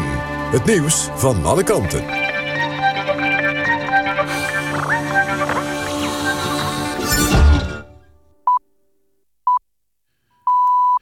1 uur, Jan van der Putten met het NOS-journaal. Premier Rutte vindt het nog niet nodig om een handelsmissie naar Rusland af te zeggen. Vooralsnog gaat het allemaal door, zei de premier in Pauw en Witteman. Minister Kamp gaat in mei met bedrijven uit de olie- en gassector naar Rusland. Dat land krijgt internationaal veel kritiek vanwege de komende inlijving van de Krim. Kamp zei al eerder dat hij in de Krim-problematiek geen reden ziet om de voorbereidingen voor de reis stop te zetten. Rutte steunt hem daarin. De premier zei dat de EU sancties heeft ingesteld tegen 21 Russen... maar dat van economische sancties nog geen sprake is. De PvdA-lijsttrekker bij de gemeenteraadsverkiezingen in Soest, Osman Soena, weigert terug te treden. Hij legt het verzoek van de partijleiding naast zich neer. Soena wordt verdacht van het ronselen van stemmen. Vorige week was in Po-nieuws te zien hoe die moskeegangers benaderde... die woensdag niet gaan stemmen. Hij probeerde hen over te halen hun stemkaart af te staan. Justitie onderzoekt of Soena moet worden vervolgd. PvdA-leider Samsom en voorzitter Spekman hebben Soena onder druk gezet om zijn functie neer te leggen, maar die is dat niet van plan. De PvdA-top heeft nu aangekondigd Soena te gaan terugfluiten. De politie heeft een Amber Alert uitgegeven voor een vermiste jongen uit Amsterdam-Osdorp. Pedro Ates, van 9 jaar, ging vanochtend om 8 uur op zijn fiets naar school, maar kwam daar nooit aan. Pedro droeg bij zijn verdwijning een blauw jek, een spijkerbroek en blauwe schoenen en hij reed op een blauwe gazellefiets. De politie roept mensen die informatie hebben over Pedro op om te bellen naar 0800 60 70. De studenten die sinds woensdag een zaal van de Vrije Universiteit in Amsterdam bezet hielden, hebben hun actie beëindigd. Ze besloten tot een protestactie omdat ze vrezen dat het onderwijs aangetast zal worden door de bezuinigingen en door een reorganisatie. Het is de studenten niet gelukt die van tafel te krijgen. Het weer nog vannacht bewolkt, maar vrijwel overal droog. Minimumtemperatuur 7 graden.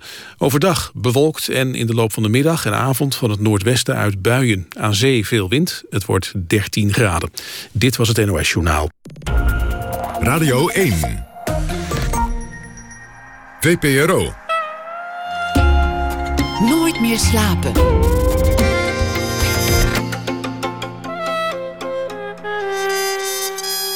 Met Pieter van der Wielen. Welkom terug bij Nooit meer slapen. Straks een gesprek met zangeres Marieke Jager... die op tournee gaat, niet langs clubs of kroegen, maar langs kerken. En we gaan het hebben over de cinema in Australië... en een gesprek over de Argentijnse schrijver Jorge Luis Borges. Maar we beginnen met het verhaal dat we elke dag krijgen van Joris van Kasteren. Hij is deze week onze huisschrijver, noem ik het eh, maar. Hij is journalist, dichter en schrijver. Bekend van boeken als Lelystad, Het zusje van de bruid... en zijn laatste boek Het been in de IJssel. Sinds dit weekend we weten dat hij genomineerd is voor de Bob den L-prijs. Goeienacht, Joris. Hoi, ja, goeienacht. Gefeliciteerd met de, de nominatie. Leuk dat je het wil doen om elke dag iets, uh, iets voor ons te schrijven op basis van de actualiteit. Het uh, is best een opgave, dat mag gezegd. Mm. Wat, de, nou ja. ja. ik wil zeggen, de, de actualiteit is een rekbaar begrip. Zeker. Uiteraard. Dat vind ik ook altijd. Ja. Dat, dat. Het hoeft, hoeft, niet, het hoeft niet per se meteen op teletext te staan. Nee, uh, um, uh, nou ja, het was inderdaad geen Amber Alert uh, waar ik over schrijf. Maar mijn theorie is toch altijd een beetje dat achter kleine gebeurtenissen hele grote, ja, uiteindelijk wereldschokkende gebeurtenissen schuil kunnen gaan. Dat is ook de basis van je laatste boek, Het Been in de IJssel eigenlijk, hè? Precies. Dus ik begin ook uh, vanavond heel, heel klein. Goed, um, wat zullen we doen? Wil je het er eerst over hebben waar je het over gaat hebben? Of zeg je van nou, ik lees het verhaal en dan merkt iedereen het wel? ja, dat is inderdaad wel een beetje de vraag. Nou, um, zal ik eerst gewoon het verhaal doen? Ja, dat is prima. Ga je gang. Oké, okay. daar komt hij. Um, het heet uh, paardenmestcontainers.nl. Ik reed over de snelweg naar het zuiden. In verband met een te schrijven reportage. Tussen Hedel en Zaltbommel zag ik een bord in een weiland staan. Paardenmestcontainers.nl stond erop. De rest van de rit kon ik nergens anders aan denken. Bij thuiskomst, later die dag, stelde ik een onderzoek in. Dat wees uit dat paardenmestcontainers.nl geen verlaten carnavalsgrap is, maar daadwerkelijk bestaat. Het is een bedrijf dat voor u het totale pakket regelt. Bij paardenmestcontainers.nl kunt u huren of kopen. Alle paardenmestcontainers van paardenmestcontainers.nl zijn milieuvriendelijk en stankbeperkend. Je hebt ze met dak en zonder dak. Een paardenmestcontainer van paardenmestcontainers.nl is door iedereen eenvoudig te bedienen. Ze mogen vergunningsvrij worden geplaatst. Paardenmestcontainers.nl werkt uitsluitend met nieuwe of vrijwel nieuwe paardenmestcontainers. Ze zijn allemaal vloeistofdicht. Als ze toch lekken, krijgt u direct een nieuwe. Er zijn altijd voldoende paardenmestcontainers op voorraad. Als u een paardenmestcontainer wilt huren met speciale wensen... kunt u gerust contact opnemen met paardenmestcontainers.nl. De paardenmestcontainers van paardenmestcontainers.nl zijn voorzien van een deurtje... zodat u met de kruiwagen zo naar binnen kunt rijden. De kleur van een paardenmestcontainer is groen. Als u een andere kleur wenst, kan dat ook, in goed overleg. De paardenmestcontainer wordt door paardenmestcontainers.nl geplaatst met een autolaadkraan. Ze kunnen de paardenmestcontainer over een hek, heg of ergens in een hoek plaatsen, waar u maar wilt. Wilt u dat paardenmestcontainers.nl eerst de locatie komt bekijken, dan is dat ook geen probleem. Paardenmestcontainers.nl komt kosteloos bij u langs om de situatie te bekijken en advies te geven over de mogelijkheden. Tot slot, paardenmestcontainers.nl heeft een landelijke dekking. Kijk. Dat was het. Ja. Ja, heerlijk. Ik, ik, heb een, ik heb een enorme fascinatie voor, uh, voor het praktische leven, zeg maar. Ik vind het heel praktisch, allemaal. Mooi, mooi woord. Ja, wat ik er zo mooi aan vind, dan, je kent het wel, dan zit je in de auto of in de trein en dan zie je altijd van die hele rare borden in het weiland staan. En meestal is het dan de bond tegen het vloeken of uh, geloof in de Zoon van God uh, voor het eeuwig leven. Maar dit, ja, ik had het al een paar keer gezien en ik dacht, wie, wie doet dat? Of, en het is natuurlijk ook een prachtige woordcombinatie, paard, mest, container. Container, ja. Ja, en, en wie, wie plaatst uh, zoiets? En wat, uh, nou, dat blijkt dus een heel familiebedrijf achter schuil te gaan. En ja, uh, gewoon generaties van mensen die daar hun, brood mee verdienen. Terwijl ondertussen in Syrië de ellende voortduurt en, en een Boeing van de radar ver, ver, verdwijnt, zeg maar. Ik vind dat altijd enorm fascinerend hoe, ja, zeg maar het gewone leven, het woelen woede van de wereld uh, weerstaat. Eigenlijk heb je dan meer fascinatie voor de continuïteit dan voor de discontinuïteit waar, waar het nieuws altijd door geobsedeerd is. Ja, ja, in zekere zin wel. Omdat het, uh, ja, kijk, wij, wij, wij, als zeg maar luisteraars, nieuwsconsumenten, uh, ja, zijn gewend aan, aan een bepaalde stroom van informatie. Maar ja, de doorsneeburger is, is uiteraard met hele andere dingen bezig. En dit is dan wel een voorbeeld van uh, ja, uh, op, op wat voor manier men ook bezig is. En je ziet nu ook radio-aandacht dat het gewoon werkt. Zo'n zo bord met paardenmestcontainers. Ja, dit is toch wel weer... Het, het, het, het vuurtje is begonnen. Ja, precies. Dankjewel. Um, graag tot morgen. Ik ben benieuwd waar je ja. morgen mee op de proppen morgen, komt. Ik wel vast verklappen. Dan zit ik in Oostende. Want ik moet een reportage schrijven over mijn uh, literaire held Jozef Rood. Dus dan, dan kom ik met iets geheel buitenlands voor de verandering. Oké, okay, nou interessant. Er is veel te doen om Jozef Rood. En Oostende is een inspirerende plek, lijkt me. Dus graag tot morgen. Joris van Kasteren, dankjewel. Oké, okay, tot morgen. Goeienacht. Doeg. Het dertiende album in ruim 25 jaar dat ze bestaan van de Haagse band Hallo Venray. Het album heet Show. En uh, de Nederlandse pers is uh, heel erg enthousiast over deze plaat. Het openingsnummer heet Airy.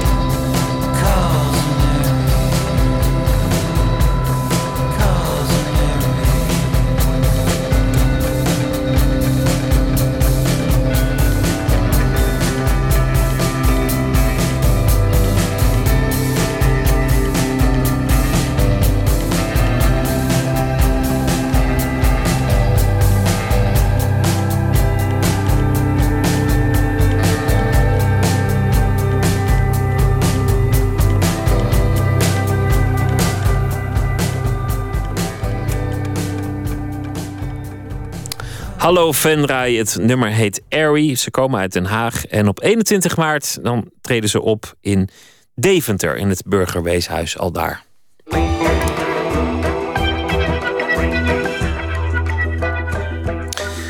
Ze schreef alle nummers in een hut in haar tuin. De Amerikaanse singer-songwriter Ron Sexsmith heeft er ook aan meegewerkt.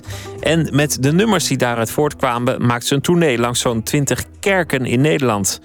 Reden genoeg om nieuwsgierig te zijn naar de nieuwe plaat van Marieke Jager. Ze presenteerde het afgelopen weekend in de doopsgezinde kerk aan de Oude Gracht te Utrecht. En onze verslaggever Botte Jellema was erbij en ontmoette de dag erna Marieke Jager. Kijk, we hebben een mooi veldje voor ons nu. We gaan zo uitleggen waarom we nu uit een zonnig veldje dit gesprek aan het voeren zijn. Want je gaat, Kijk uit voor de bal. ja inderdaad, we zijn aan het voetballen hier. Vandaag is eigenlijk de dag na gisteren. Want gisteren presenteerde je het eh, album. Ja. Eh, in Utrecht, Oud Kerkje heb je gekozen. Eh, het was heel fijn. Ik vond het, het is, kijk, het is voor ons en voor mij ook spannend omdat we dus in kerken spelen, deze tour. Ehm, en een nieuwe plaat. En een plaat die echt anders is dan voorgaande platen. Die heel rustig is, met hele stille liedjes. En dan... Heet ook de Silent Song. Precies, heel toepasselijk, ja. En, en hoe, hoe valt het dan bij publiek? Hoe klinkt het eigenlijk in die kerk? Want je hebt er wel een voorstelling van. We hebben heel bewust voor die plek gekozen.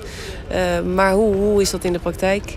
En Het begon gisteren met ehm, eh, dat de lichten uitgingen in de kerk. Toen had je had kaarsjes aangestoken voorin. Ja, En toen wachtte je, volgens mij expres. En het, het, het voelde als, als twee minuten of drie minuten bijna. Het zal het niet zijn geweest. Je wachtte eventjes hè, voordat je opkwam. nou, ik heb dit achteraf gehoord. Want ik, ik heb dat niet gezien. Ik, heb, ik zat niet in de, in de kerk en dat licht uitging. Maar eh, er werd een, wij werden aangekondigd. En eh, Sander deed dat. En die kwam toen naar mij toe in de kleedkamer. Die zei van, het is zover. En toen hadden we heel even een logistieke ding wat wij moesten oplossen.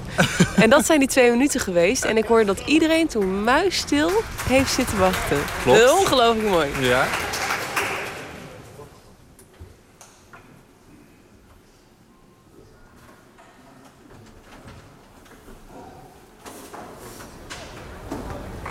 Maar wat heeft zich afgespeeld? Ehm, dat wij moeten alles opnieuw uitvinden daar in die kerk. Er is geen stage manager, weet je wel, die, die weet hoe alles werkt. Dus wij zijn, wij moesten naar de koster en die moest doorgeven aan onze techniek dat we konden beginnen. De koster moest de licht uitdoen, de deuren dicht doen en een seintje geven aan de technicus dat hij een seintje naar mij geeft Ja. dat ik het podium op kan. Ja.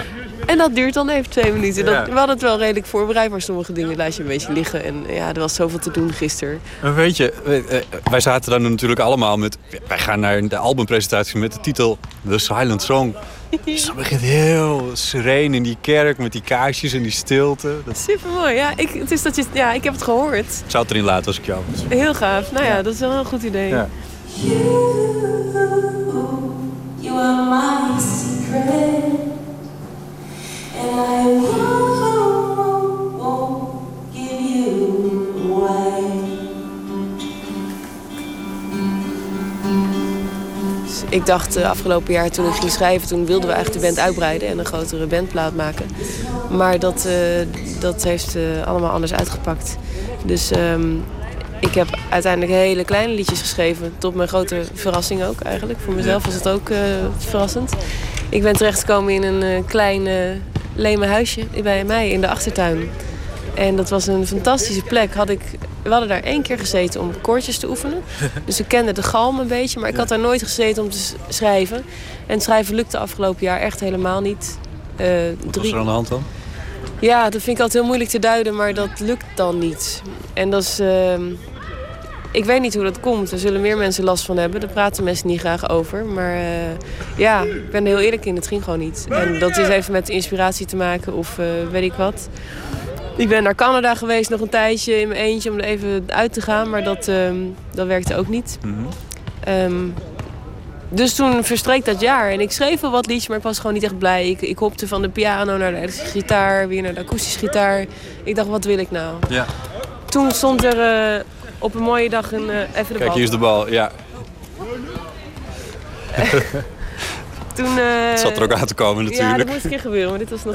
Ehm, dus het schrijven ging niet. En ik, ik zat eh, in het najaar eh, bij mij thuis weer, weer te proberen te schrijven. En toen hadden we een kermis voor de deur staan. En ik woon in een klooster en dat is een monument, dus dat is enkel glas. Dus die kermis dreunt naar binnen en dat was echt een druppel voor mij. En dat was het moment dat ik die plek achter in de tuin opzocht. Een klein rond huisje van leem. En die akoestiek daar was fantastisch. Dus ik werd gelijk beperkt ook in wat ik speelde. En ik, ik heb toen eigenlijk, ik werd gelijk geïnspireerd. Ik ben daar nachten gebleven met een flesje wijn en mijn gitaar. En eh, heel erg genoten van de rust.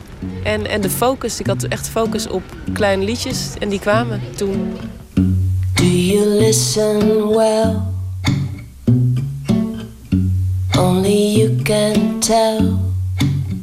There is nothing, nothing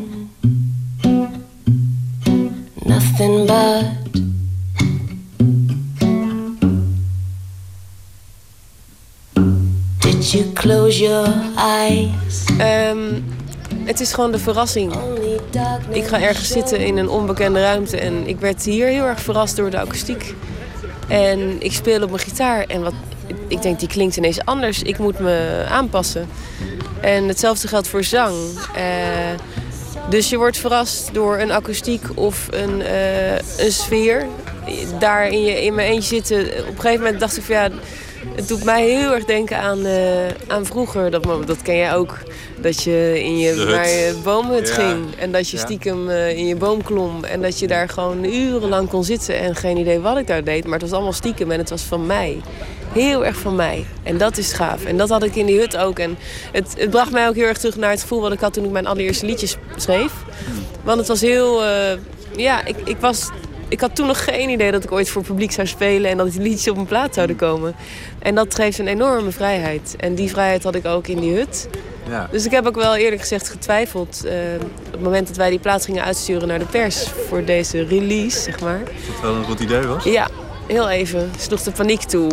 Omdat het toch meer een, een dagboekplaat is dan. eh, Is hij, heel is hij te persoonlijk? Nee, niet te persoonlijk, want ik, ik, ja, ik, ik schrijf wel persoonlijke dingen, maar ik verkap ze altijd mooi, dus dat, dat kan prima. maar ehm, het voelt heel persoonlijk, ja, omdat ik het daar zo op mezelf heb geschreven. En omdat het zo klein is en zo kwetsbaar. En je hoort de tekst heel goed natuurlijk.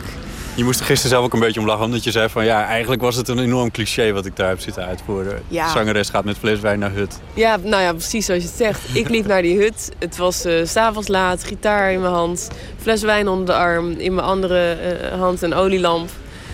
Daar ga je dan. dus dat voelde heel cliché en dat, werkte, dat, dat werkte, werd ik een beetje chagrijnig van toen ik daarheen liep. Toen dacht ik, ja, zie je wel, je kan jezelf niet dwingen. Maar ik zat daar en eh, ik dacht, wauw, Ja. dit is wel echt heel mooi. Eh, gisteren eh, keek ik even rond in je publiek en dan zat minister Plasterk. Ja, Plasterk is, eh, ja, mag ik wel zeggen, Plasterk is fan. Dat vertelde hij mij ook. En dat ga ik er nu hierin monteren. Ik ben een fan, dus ik Ja, wel, was, ik, ja, was ik bij de vorige CD-presentatie en ook die daarvoor. Dus eh, ik ga een tijdje mee. Is een nieuw album, eh The Silent Song heet het. Ja. U heeft de liedjes nu net gehoord. Wat vond u ervan? Ze heeft me een week geleden ook toegestuurd. Dus ik heb het al een paar keer gedraaid. En dat scheelt net wel. Want dan komt er alweer meer profiel in. hè. Zo'n eerste keer horen, dan moet je, al, ja, moet je altijd even aan wennen en alles. En eh, dan als je het een paar keer draait, dan denk je... Oh, daar komt die mooie of daar komt die mooie wending. En, eh, en, en nu is het mooi om het live te horen. Het is heel, vergeleken met het vorige album... eh, is het heel verstild. Ja, ik vind het schitterend. Mooi. Ja. Wat spreekt u er zo in aan? Ja, het is echt pure singer-songwriterswerk. Dus heel weinig toeters en bellen. En het is puur, ja, de melodie. Ik vind overigens ook de teksten altijd, eh, zijn toch een beetje geheimzinnig. Er er moet altijd een beetje lager in zitten. Dat vind ik bij haar ook altijd wel. Dus het gaat wel ergens over. Maar er zit toch altijd nog iets, dat je het idee hebt dat er nog meer onder zit... wat je dan nog niet helemaal in de gaten hebt. En dat is poëzie, denk ik. Ja, dat, ja mooi, eh, mooi gesproken zou ik willen zeggen. Ja, ik vind het heel mooi als mensen dat eh, op die manier eh, horen. Ja. Ik denk, ik, ik stop heel veel in mijn liedjes, zo voelt het zelf. En sommige mensen horen dat niet of luisteren wat oppervlakkiger. En die horen weer hele andere dingen. And it all seems so hard. No one really understands. Dan begint ineens het kerkorgel te spelen. Ja, ja, daar hangt dus dat orgel. En eh, in die prachtige kerk. Enorm kitsch orgel wel. Wat maakt het kitsch dan? Ja, wat van die gouden dingen en bewerkingen en zo. En het is heel groot en dan zo een soort, het lijkt net marmer, maar het is meer, nou, ik weet niet waarvan die, die, die orgelpijpen gemaakt zijn eigenlijk. Maar groot, indrukwekkend, laat ik het daarop houden. En ehm, ik wil natuurlijk heel graag met het orgel proberen. En dat moeten we per kerk uitproberen of dat kan, of alle orgels werken, of het mag ook van, Ja, de, ja, ja. van de koster. En hier mocht Henk Jan eh, van de koster op spelen. En eh, niet alle registers werkten, begreep ik. Eh, en een paar fluitsystemen niet, maar ehm, ja, hij heeft erop gespeeld. Ja. Dat is gaaf. Je moet je mij een beetje voorstellen in die hut, waar ik dus elke nacht zat. En meestal vond ik dat heel fijn, tot rust, schreef ik weer eens wat. Ehm, maar er is ook één moment geweest waarop ik me heel ongemakkelijk voelde. Ehm, dat kan heel benauwend werken ook, de stilte en de nacht en die hut. En eh, dat is zo'n moment geweest waarop ik een beetje op een moment denk dat van, nou, het is klaar, ik ga naar huis. Want dit voelt niet gemakkelijk, dus ik ga terug. Dus ik stond op en toen dacht ik, maar wat is dit nou, blijf zitten. Toen, toen ik je net even sprak voordat we de recorder aanzetten, toen had ik het ineens over je voorstelling. Dat ging per ongeluk. Ja. Meer dan je concert. Eh, je hebt bij elk nummer een verhaal. En dat vertel je ook in, eh, in je concert. Is, is dat belangrijk voor je, zo'n zo'n verhaal bij zo'n liedje? En heeft elk liedje een verhaal? Ja, elk liedje heeft wel zeker een verhaal. En eh, ik wil niet alles vertellen. Soms vertel ik een gedeelte of zo. Of Kijk, daar is het mysterieuze, denk ik dan. Ja, ik weet niet waar. Kijk, dat zit voor iedereen ergens anders in. Dat kan ook in akkoorden zitten of in de sfeer. Of, of het feit dat we dat in een kerk spelen, wat het ook al heel mysterieus maakt. Ik vind het zelf heel erg leuk om van artiesten te lezen, soms in tijdschriften waar een nummer over gaat. En eh, ik merk dat ik dat wat meer ben gaan doen en dat mensen er heel positief op reageren. Je wil in ieder geval niet te letterlijk vertellen Nee. waar het liedje over gaat, maar wel een Je, beetje het viel me op dat je over de, over de ontstaansgeschiedenis graag wilt vertellen. Nou, Van de plaat. Ja, nou bijvoorbeeld over de, over de plaat, maar ook over, eh, over, over een liedje. Bijvoorbeeld het liedje van, eh, eh, van, van de wolven of de honden in ieder geval. Ja. Ja, The Wolves Are Howling is... ehm, dat klinkt als een soort eh, lullaby. En ik vind het gewoon heel erg leuk. die- Slaapliedje. Ja, precies. En, maar het is zoveel meer dan dat. Want die ervaring die ik had in die hut, die tot dit nummer leidde, was zo gaaf. En dat wil ik gewoon heel graag delen. En je merkt dat als ik daar nog enthousiast, zolang ik daar nog enthousiast over ben, die ervaring, krijg je dat terug. En ik heb, eh, ik zal het kort vertellen, ik, ik zat in die hut en nachtenlang. En elke keer eh, als het donker was, dan begon op een gegeven moment de hond van onze buren, tenminste ik denk dat hij dat was, de hond van onze buren, die begon te janken.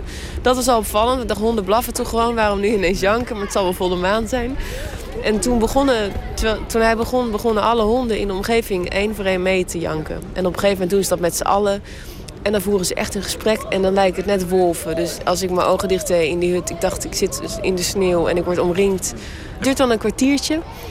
En dan communiceren ze en dan, ja, stiekem heb ik dan het idee dat ze echt, echt wolf zijn en teruggaan naar hun instinct, zeg maar.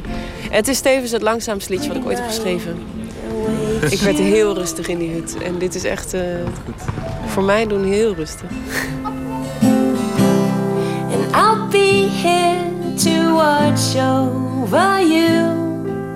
The moon will shine, the stars are lit. Watch over you. The wolves will howl for the both of us, and they'll sing. They'll sing until you sleep. Toen kwam het einde van de avond. Toen kreeg je dat enorme applaus. Ja. ja, dat was echt waanzinnig. Mensen gingen staan. Ja, dat is ook wel echt een moment. Ik heb dat wel geleerd in de loop der jaren om daar echt van te genieten. Voorheen eh, heb je dat amper door dat mensen klappen en dan ga je af. En dan, nou ja, dan, dat, dan besef je het pas later of zo. Maar ik heb nu ook wel echt gisteren even blijven staan. even kijken naar de mensen. Even goed hier opnemen. Want het is verdorie wel gewoon weer een nieuwe, nieuwe release, nieuwe plaat. En dan mag je best gewoon even echt je- best doen en voelen wat mensen daarvan vinden. Dus dat doen ze ook niet voor niets. En eh, dus daar werd ik wel heel blij van, absoluut. Ja. En toen moest je naar je steentje om je plaatjes te verkopen. De cd's, de lp's Ja. en alles weer. En dat is de reden dat je niet kon geïnterviewd worden op dat moment. ja, het was heel druk. Dus daarom zitten we nu hier. Daarom zitten we nu lekker in de zon, de morning after. ook mooi. Welke, welk nummer zou ik er achteraan zitten? Ik zou het heel leuk vinden als je Don't You draait. Die met Ron Sexsmith, die vind je... Ja, ik, ik vind het gewoon... Ik zou zo heel graag gedraaid worden op de radio. En, Dan doe ik dat toch eh, gewoon? Dat is het. En ik, ik vind de Wolves ook prachtig. En Don't You is dan nu een single, dus ik denk dat dat goed is om te doen. En op, toen wij Don't You speelden, de reactie daarop was echt het grootst van allemaal. Dat is waar, ja. Ja, Dat en klopt. dat was echt, ik, ik, ik, wist- ik wist niet wat me overkwam. Ik, dat komt echt spontaan, weet je wel, dat, dat, eh, dat doen mensen. Veel plezier met het doen. Ja, dankjewel. I love when clouds are high in a powder blue sky. Don't you? The morning music starts. I know it off by heart. Don't you? Don't you? There are signs and wonders, and I find that unto every heart is love renewed. Don't you? I love it here between reality and dreams. Don't you? It's not so very far. I know the way by heart. Don't you? Don't you? There are dreams and visions. I believe that every word the wind has said is true. Don't you? Life has a gift for you. Wrapped up in ribbons of blue. In light and in darkness too. I love it when the rain calls out to you by name. Don't you? The chowder bell chimes, I hear it all the time. Don't you? Don't you? There's lightning and thunder, and I find that under every storm is something new. Don't you?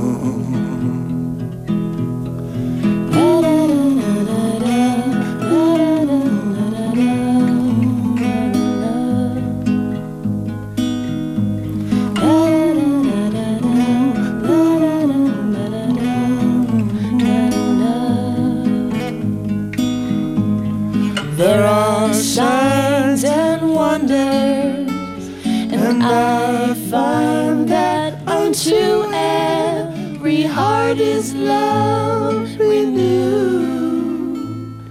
Don't you? Marieke Jager en Ron Sexsmith. Het nummer heet Don't You. En het komt van de nieuwe plaat van Marieke. De titel daarvan is The Silent Song.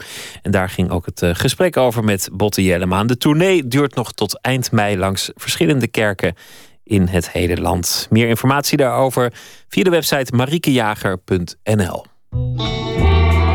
Nooit meer slapen. Op maandag kijken we wat er eh, op cultureel gebied te beleven valt in andere delen van de wereld. Verenigde Staten, Brazilië, India. En vandaag kijken we naar Australië. Robert Portier is eh, correspondent in Australië en Nieuw-Zeeland. Hij zit in eh, Sydney en eh, doet voor ons verslag. Goeienacht. Ja, bij jou is het eh, alweer dag, hè? De nieuwe dag is al ruimschoots begonnen. Ja, goedemorgen. Goedemorgen. Ehm, je wilt het hebben over eh, eh, Australische cinema, over de, over de film in Australië. Ja, dat klopt. Ja, inderdaad. Dat is grappig, want toen, toen moest ik meteen nadenken van... goh, ken ik eigenlijk Australische films en welke zijn dat dan? En ja, ik kwam eigenlijk niet, eh, niet enorm ver, moet ik je bekennen. nou, laat ik heel even je geheugen opfrissen. Er zijn namelijk heel veel Australische films die eh, bekend zijn in Nederland. Eh, misschien heb je gehoord van Crocodile Dundee. Ja, Crocodile Van, eh, Dundee. Die, die heb ik dan toevallig gezien. Alle, alle 160 delen. Ja, precies. Nee, nou, eigenlijk als je kijkt naar de Australische filmindustrie... dan eh, heb je twee eh, grote segmenten. Er is één segment dat richt zich op de internationale markt. We hebben hier in Sydney grote studio's staan van Fox. In eh, Melbourne heb je de Warner Roadshow Studios. Nou, dat zijn studio's waar de blockbusters worden gemaakt... die vanuit Hollywood komen, maar die toevallig worden opgenomen in Australië. Maar daarnaast heb je een kleine, heel actieve eigenlijk... lokale filmindustrie. Die maken elk jaar toch nog 30 speelfilms. maar die komen natuurlijk lang niet allemaal in de bioscoop terecht. De budgetten daar zijn veel beperkter. Eh, dan moet je denken echt aan een, minuscuul deel van eh, de budgetten vanuit eh, Hollywood. En dat betekent natuurlijk dat de mogelijkheden ook veel beperkter zijn. En een van de praktische dingen waar je dan aan kunt denken... is dat je niet overal naartoe kunt reizen. Dat betekent dat de film moet worden opgenomen in Australië. En dat betekent dat ze heel vaak ook lokale onderwerpen kiezen. Nou, dat leverde best een aantal grote succesnummers op de afgelopen jaren. Eh, films als Red Dog, dat gaat over een hond die eh, zich ontwikkelt tot de mascotte van een eh, lokaal mijnwerkersdorpje in West-Australië. De hele staat afreist op het moment dat zijn baas overlijdt in de hoop dat hij maar weer vindt. Eh, een andere film, Snowtown, gaat over een seriemoordenaar in, in het plaatsje Snowtown. Wat voor veel mensen heel herkenbaar is. Het levert tenslotte plaatjes op van het land dat ze kennen. Het levert verhalen op daar, waar ze over gelezen hebben in de krant. En dat is misschien wel een van de redenen waarom die lokale industrie, ondanks het feit dat die heel klein is, toch best wel succesvol is. En Au- Australiërs zijn wel altijd trots op hun eigen eh, product. Dat, dat is wel iets Australisch. Ja, zonder meer. Kijk, het, het eh, ehm, steunen van eh, lokaal product, of in ieder geval van eigen talent, dat is iets wat Australiërs niet alleen heel erg leuk vinden, maar ook heel erg belangrijk vinden. Vandaar dat eh, Australiërs ook graag eh, luisteren bijvoorbeeld naar Australische liedjes. Het gaat zelfs zover dat Australische radiostations verplicht een minimumpercentage lokaal product moeten draaien. En dat kan soms oplopen tot 30, 40 procent. Dus men heeft ook veel mogelijkheid om dat lokaal product te, te bekijken, te beluisteren en daar iets van te gaan vinden. Eh, en dat eh, zorgt er op zijn beurt natuurlijk ook voor dat zo'n industrie ehm, in ieder geval mogelijkheden heeft om geld te verzamelen, omdat men weet dat er voldoende publiek is. Lokale films dus, die, die daar een succes zijn. Ehm, wat zijn de films die momenteel aanslaan? Als ik kijk naar mijn eigen bioscoop hier in Randwick... eh, daar draaien op dit moment twee typisch Australische films. De ene heet Wolf Creek. Dat is een film over een, eh, alweer een seriemoordenaar trouwens... in de Outback, die eh, weg kan komen met zijn, met zijn moorden... omdat het zo leeg is en zo verschrikkelijk stil... Ja, dat, het, dat niemand het opvalt dat hij daar bezig is... om ja, mensen vast te houden, te martelen en vervolgens te vermoorden. Een andere film ja, heeft eigenlijk met die Wolf Creek ehm, dat die ook gaat over de eenzaamheid en de leegte van Australië. Is natuurlijk ook wel typisch Australisch. Eh, die film die heet Tracks. En dat gaat over een mevrouw die in Alice Springs aankomt in, eh, ja, in de jaren 70. Eh, verklaart dat het er eigenlijk wel leuk lijkt om eens te lopen naar de Indische Oceaan. Nou, wie in Australië is geweest, geweest, die weet dat dat gekke werk is. Die mevrouw die had zeker een zelfmoordwens. Want het is misschien wel het meest onherbergzaamste stukje van Australië. Een woestijn van, nou, 2000 kilometer. En toch hebben een, die eh, woestijn in. We hebben een trailer van, eh, van die film Tracks. Dear sir, I am planning to walk across the Australian desert from Alice Springs to the Indian Ocean, a distance of 2,000 miles. And when people ask me why I'm doing it, my usual answer is why not? Your plan is ridiculous. You must be mad, girlie. You know, that's about 2,000 miles. Six months of hard walking. You want to die out there or something? Ja, dat klinkt, klinkt wel spannend. Nou, nou is eigenlijk de vraag: je hebt de taal mee, de Engelse taal. En eh, er is een goede filmscene. en Het wordt ondersteund, het wordt daar bekeken. Maar waarom lukt het toch maar mondjesmaat om, om hier die Australische films in de bioscoop te krijgen? Waarom wordt het niet echt internationale hit? Ja, ik, ik denk dat het te maken heeft met een aantal zaken. Eh, in eerste instantie simpelweg eh, vanwege het budget. Die film die richt zich eh, noodgedwongen op een lokaal publiek. Het budget is beperkt, de gekozen onderwerpen zijn lokaal. Dat maakt het ook lastig om, die, om over de grens impact te hebben. Om, om ervoor te zorgen dat mensen gegrepen worden door zo'n verhaal. Het heeft ook te maken met het feit dat er gewoon niet genoeg geld is... om internationale distributie, promotie, marketing te regelen. Allemaal zaken waar toch veel geld in gaat zitten tegenwoordig. Dus films gaan pas over de grens naar bewezen succes in Australië zelf. En het is al lastig genoeg hoor, om in Australië succes te krijgen. Want Australiërs gaan, gaan graag naar de film. Maar ja, er wonen maar weinig mensen in dit land. Eh 23,5 miljoen ongeveer. Die zijn natuurlijk verspreid over enorme afstanden. Eh, die films die moeten dan ook in heel veel bioscopen worden gedraaid... met relatief weinig bezoekers. En dat is natuurlijk niet goed voor de marges. Eh, een simpel voorbeeld. Ik woon hier in Sydney, waar heel veel bioscopen zijn. Er zijn heel veel bioscopen in de volgende grote stad, Melbourne. En anders wel in het noorden in Brisbane. Maar het is wel duizend kilometer zitten tussen die eh, verschillende steden. En dat betekent dat daar eh, ja, maar heel weinig geld wordt verdiend aan die films. Maar is het Nou ja, ook niet een kwestie van, van eh, smaak? Dat, dat bijvoorbeeld de Australische humor of, of zeden toch minder makkelijk geaccepteerd worden in andere de- delen van de wereld? Want Hollywood is vrij universeel. Iedereen vindt een, een, een comedy uit Hollywood grappig, maar voor heel veel andere landen zit dat al anders. Ja, absoluut hoor. En dat is in Australië natuurlijk niet anders. Eh, misschien kan ik het voorbeeld maken van, van een film in Nederland. Stel dat Sinterklaas daarin eh, voorkomt. Ja, dan snapt men in het buitenland natuurlijk ook niet wat daar grappig of vreemd aan is. Ehm, maar in, eh, in Australische films maakt men graag gebruik van bepaalde typetjes, bepaalde grapjes, bepaalde zaken die typisch Australisch zijn en waar men graag de draak mee steekt. Nou ja, in het buitenland worden dat soort grapjes natuurlijk vaak helemaal niet begrepen. En dat maakt het ook moeilijk om dat soort films ehm, ja, verspreid te krijgen. Misschien niet, maar in ieder geval om voldoende publiek enthousiast te krijgen daarvoor. Maar er zijn uitzonderingen. Eh, de film The Sapphires. We luisteren even naar een, eh, een fragment. Heard it through the grapevine. Can you make it sound blacker? And I wonder who's love. And your name again? We're the Sapphires. We'll see you in Saigon.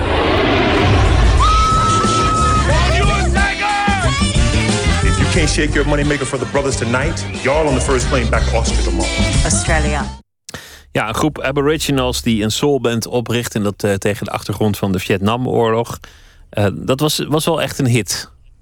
Ja, zonder meer. Eh, werd vertoond op het filmfestival in Cannes. Kreeg een staande ovatie van 10 minuten.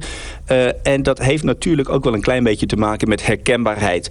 Eh, je hoorde het net al een beetje in de trailer. Die muziek is natuurlijk hartstikke lekker. klinkt goed voor, voor bijna iedereen in de hele wereld. Vietnam is een bekend thema. Dus vandaar dat heel veel landen automatisch al ehm, ja, wat, wat, wat feeling krijgen met zo'n met zo'n onderwerp. Het is een, waar gebeurd verhaal. Het zijn inderdaad vier aboriginal vrouwen die bij, het zijn vier die denken van goh, we willen toch eh, wat doen met dat zingen van ons. Per ongeluk eigenlijk eh, worden aangenomen en een eh, doorslaand succes zijn daar in Vietnam. Ehm, en zo'n film, ja, ehm, heeft natuurlijk het tij mee op het moment dat in Cannes... eh, eh, waar alle mensen die van belang zijn in zo'n filmindustrie... eh, zo'n zo'n belangrijke, sorry, bij zo'n belangrijk filmfestival zoveel lof krijgt. Ja, dat maakt het een heel stuk gemakkelijker om het in het buitenland in de bioscopen te krijgen. Ja, ik zei aan het begin dat ik weinig Australische films ken, maar er is één grote uitzondering. Priscilla, Queen of the Desert. Dat is een, zo'n cultfilm. Die wordt, die wordt nog wel een- eens per jaar zeker op tv vertoond. Ja, Nee, een paar terecht trouwens. is ook een hartstikke leuke film. Ja, dat, Ja, dat was absoluut. een goede film. En eh, de, de regisseur van The Great Gatsby was volgens mij eh, Australisch. Ja, nee, kijk, als je, als je kijkt naar dat andere segment... Hè, dat zich richt op de internationale markt... wij kennen, eh, zonder dat we het misschien zelf doorhebben... heel veel Australische acteurs en regisseurs. Eh, alleen, ze verdienen hun geld pas als ze in Hollywood zijn aangekomen. Want in Australië is dat niet te verdienen. Maar eh, Kate Blanchett heeft bijvoorbeeld net een Oscar gewonnen. Is toch een Australische actrice. Nicole Kidman... eh, Jeffrey Rush eh, van eh, The King's Speech.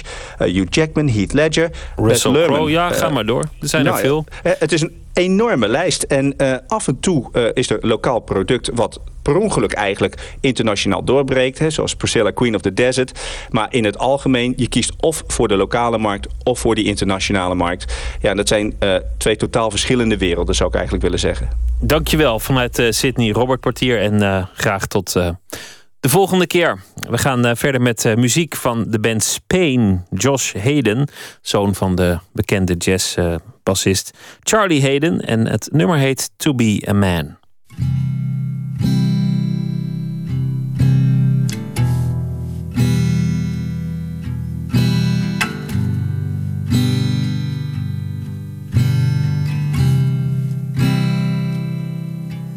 Well, I heard you tell a story, and I tried to understand between all of the words. I tried so hard to be a man.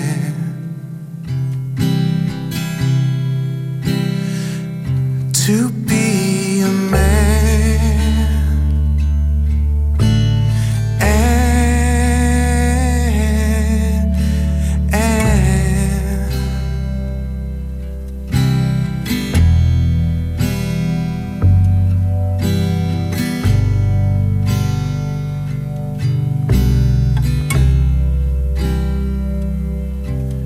In the distance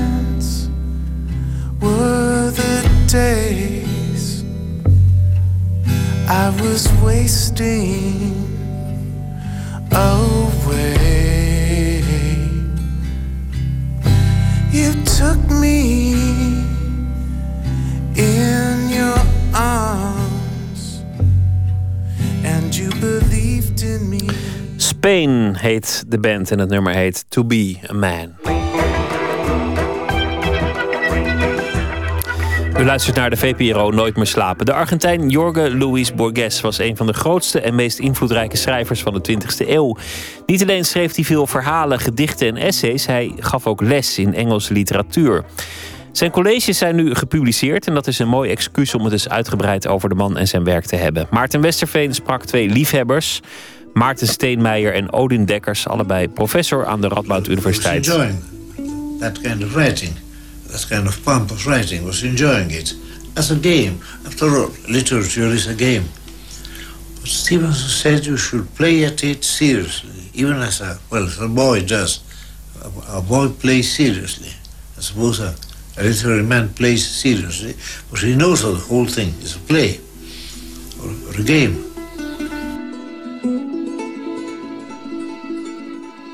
Als ik schrijf, dan speel ik. Maar als ik speel, dan speel ik als een kind. En een kind meent het als het speelt. Woorden van de Argentijnse schrijver Jorge Luis Borges. Een schrijver van vele korte verhalen van fantastische aard. Oneindige bibliotheken, vergeten steden, messenvechters en schattenzoekers. Het komt allemaal veelvuldig voor in zijn werk. Professoren Maarten Steenmeijer en Oden Dekkers van de Radboud Universiteit in Nijmegen zijn grote fans van zijn werk. Met name Maarten mag zijn studenten het werk graag aanraden. Wat maakt deze schrijver nou zo belangrijk voor? Jorge Luis Borges is uh, de belangrijkste schrijver uit het uh, Spaans-Amerikaanse continent. Uh, hij is volgens mij ook de invloedrijkste schrijver van de tweede helft van de 20e eeuw. Het wemelt van de schrijvers die zich heel goed herinneren toen ze de eerste keer Borges lazen. En dat was een soort openbaring. Zoiets hadden ze nog nooit gelezen. Dit was een manier van schrijven. Uh, een manier van naar de wereld kijken, naar literatuur kijken, die ze nooit eerder hadden ervaren. En uh, dat loopt dan van uh, Garcia Marquez, dat is natuurlijk vrij dichtbij, tot Pamuk of Salman Rushdie. Dus heel veel schrijvers uit allerlei landen en allerlei taalgebieden zijn sterk door Borges beïnvloed. En dat komt vooral door twee bundels verhalen die hij in de jaren 40 heeft geschreven. Ficciones, ficties, dat heet in het Nederlands fantastische vertellingen tweede bundel is uh, El Alef, de Alef. En dat zijn allemaal korte verhalen. Fantastische verhalen, zoals de titel al aangeeft. Uh, maar dan op een manier die nooit eerder was, uh, was bedreven. Bijvoorbeeld, er is een, een, een, verhaal over de bibliotheek van Babel... waarin het universum wordt voorgesteld als een bibliotheek. En de inwoners, de bewoners van die bibliotheek... eigenlijk voortdurend op zoek zijn naar de tekenis... de interpretatie van die boeken. En dat lukt maar niet, en dat lukt maar niet, en dat lukt maar niet dat is een soort metafoor geworden voor, uh, uh, voor uh, het zoeken van de mens naar, naar waarheid. Maar vooral ook om aan te geven hoe ver die interpreteerbaarheid van Borges verhalen reikt.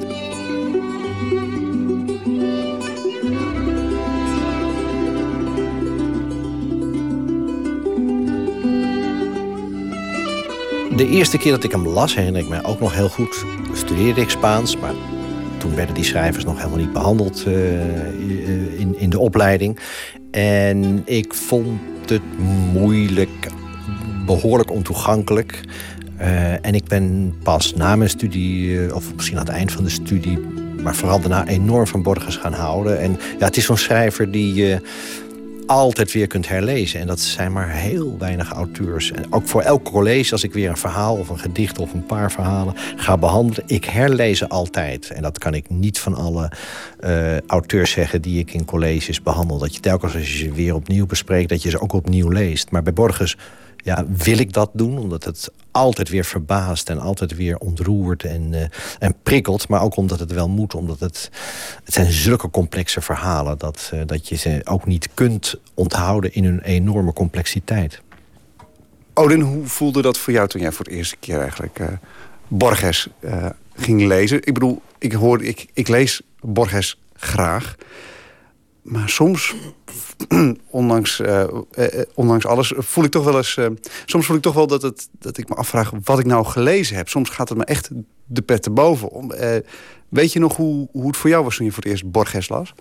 Ik kan me dat nog levendig herinneren. En ik kan me ook levendig herinneren dat ik behept was met precies die vooroordelen die zojuist door uh, Maarten Steenmeijer zijn, zijn aangegeven. En ik denk dat dat ook een blokkade is geweest om eraan te beginnen toen ik eraan begon, werd ik er ogenblikkelijk enorm door uh, gefascineerd. En uh, ja, je gaat dan toch nadenken over hoe je zo'n auteur moet plaatsen in je, je eigen Anglo-Saxische universumpje. En dat lukte me eigenlijk niet goed. Ik kon wel bedenken dat er auteurs waren die door hem beïnvloed waren, maar ik kon geen vergelijkbare auteurs uh, verzinnen. Nou ja, een prachtiger criterium om door te blijven lezen kun je natuurlijk haast niet, niet verzinnen.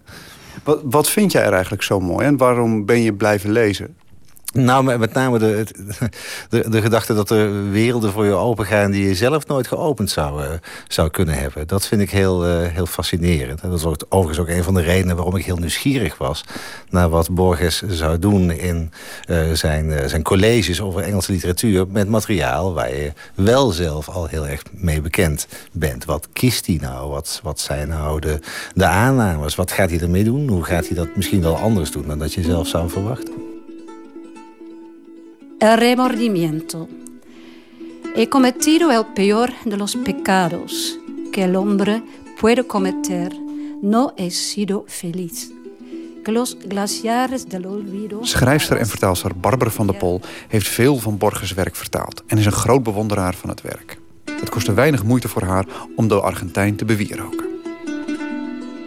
Maar het spreekt een stem tot je. Borges is iemand die heel duidelijk, hij gebruikt het woord jo, ik, om de havenklap. Dat is natuurlijk een literair, een schrijvers-ik. Maar het is waarmee hij een persoonlijke stem geeft aan die verder zo enorm klassieke thema's van hem. Dus de tijd, de eeuwigheid, wat is het geheugen. Dat schiet hij in spannende verhalen, maar onderliggend die thema's.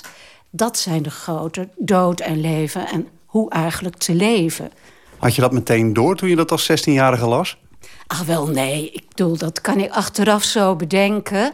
Dat het toen begonnen is. Eh, Je doet meer ontdekkingen in je leven. Het is een, een mooi idee. Dat is dan mijn mythevorming. De grote mythevormer is Borges, vooral over zijn eigen leven. Maar eh, ja, ik, ik vind het een mooi idee dat ik sinds mijn zestiende met hem oploop.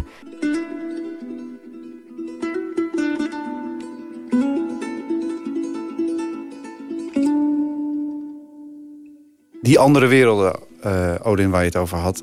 Die, ehm, hoe zou je die kenschetsen?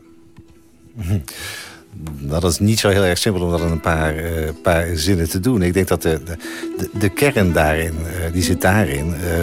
dat eh, je deelgenoot gaat worden van een soort gedachte-experiment. En dat je wordt meegenomen maar naar een plek waar je zelfstandig niet, eh, niet gekomen was. Hè. Je noemde net eh, de Aleph. En de- daarvoor hebben we het heel even gehad over de gedachte van die universele bibliotheek. Dat zijn, je zou het bijna concepten eh, kunnen noemen... die in je gedachten blijven voortbestaan. Maar als het alleen maar die concepten waren... dan zouden ze niet interessant zijn. Maar het zijn concepten die op een dusdanige manier literair zijn vormgegeven... dat ze nog meer aan kracht winnen en daardoor bij je blijven. Als je de wetten van Borges zou opnoemen, kun je het haast beter doen in, eh, eh, in het weergeven van de dingen die je van hem niet mag doen. Een daarvan is: je mag de lezer niet vervelen. Als het kort kan, doe het eh, dan ook kort. En eh, ja, hou het spannend. En ehm, hij is een meester in het, het fantastische verhaal. Hè? Dus het zijn kleine thrillertjes. Verhalen over dingen die, die niet kunnen of maar wel lijken te kunnen. Een voorbeeld, hè, parafrase op het perfectionisme. Een kaart maken, cartograaf, die zo precies te werk gaat... dat zijn kaart de hele wereld bestrijkt. Ja, of hoe ellendig het is over, eh, ja, wat is het belang van het geheugen? Die man, Funes, die alles onthield en natuurlijk knettergek werd. Ik bedoel, het zijn allemaal van die hele spannende, eh, eh, eh, korte verhalen... waarin eh, op enorme wijze een, een groot, abstract thema wordt behandeld. Mannelijkheid is een enorm belangrijk thema bij Borges. Duels, soldaten en cuchilleros, Argentijnse messenvechters, komen in al zijn werk voor. Zelf was Borges een blinde, gebonden aan zijn werkkamer. Vanwaar al dat machismo in zijn werk?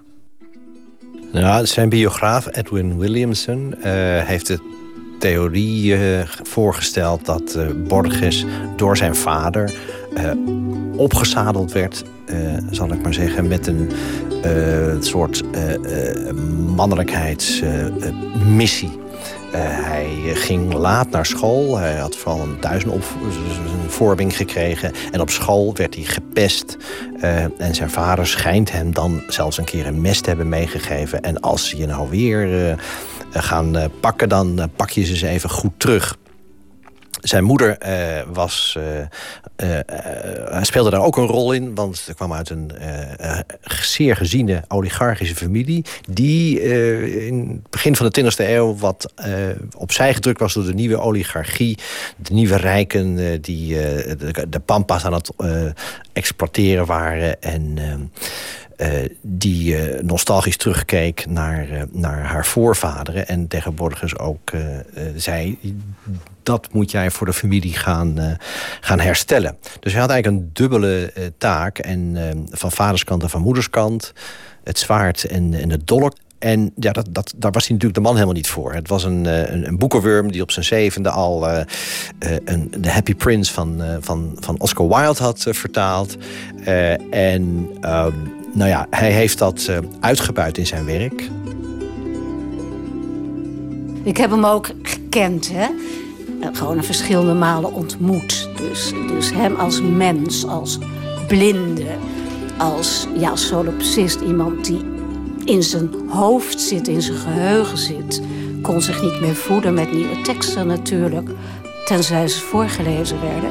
Maar ik heb gevoeld hoe hij ja, toch ook zintuigelijk in de weer was. Luisterend, eh, sfeer opsnuivend, naar stemmen luisterend. Lachend, proberen bondjes te maken. Ja. Kun je dat beschrijven toen je hem voor de eerste keer ontmoette? Want dat, dat, dat zal nog wel eens wat geweest zijn. Dat was behoorlijk verschrikkelijk. Ik was door iemand meegenomen. Ik wist niet dat er gearrangeerd was dat, dat ik hem zou ontmoeten. En tot mijn grote eh, schrik zei hij... kom morgenochtend naar mijn hotel. En eh, nou goed, ik bedoel, hij wist dat ik hem vertaald had. En hij wilde, om te beginnen, ontzettend graag in het Nederlands... Ja, zichzelf, dat klinkt ijdel, maar dat zo bedoel ik het helemaal niet. Maar hij wilde dat horen. En dan hoorde hij dat. Een veel oudere man, heel erg dol op etymologie. Dan hoorde, hij het, hoorde hij het woord maan. En dan riep hij een moond en moon. Nou ja, goed. En dan wou hij zo graag een, uh, een potje praten en redeneren... over de verwantschap tussen talen en zo. En... Uh, Enfin, ik, uh, hij was me verre de baas. maar hij had er plezier in. Ik stelde kennelijk ook een paar vragen waarvan hij zo vriendelijk was te zeggen... dit heeft nog nooit iemand aan me gevraagd. En later heb ik hem ook weer opgezocht in, in Buenos Aires. Ik ben erg veel met hem bezig geweest. Barbara van der Pol heeft veel vertaald. Maar wat was nou het mooiste dat ze heeft mogen vertalen? Twee jaar geleden heb ik samen met uh, Maarten Steenmeijer... alle gedichten is misschien overdreven... maar laten we zeggen bijna alle gedichten van Borges. En daar zit een gedicht in. Het is een gedicht wat ik dan toevallig heb vertaald. We hadden natuurlijk de boel opgedeeld. En het ging heen en weer. Maar dit, dit stond er meteen. En dat is een soort hartekreet van Borges. Het is geschreven na, na de dood van zijn moeder, vlak na de dood van zijn moeder. Vroeging. Ik heb de grootste van de zonden die er zijn bedreven. Ik was niet gelukkig. Mogen de gletsjers van het vergeten mij het ravijn insleuren, wissen zonder mededogen. Mijn ouders maakten mij voor het geduchte, maar wonderschone spel van het bestaan. Voor de aarde, het water, voor het vuur, de lucht. Ik stelde hen teleur. Ik voldeed niet aan hun jonge wil. Ik heb alleen geleefd voor koppige symmetrieën van de kunst, die onbeduidendheden samenweeft. Zij gaven me de moed. Ik heb die gunst versmaad. Dit achtervolgt mij nog het meest. Ik ben een ongelukkig mens geweest.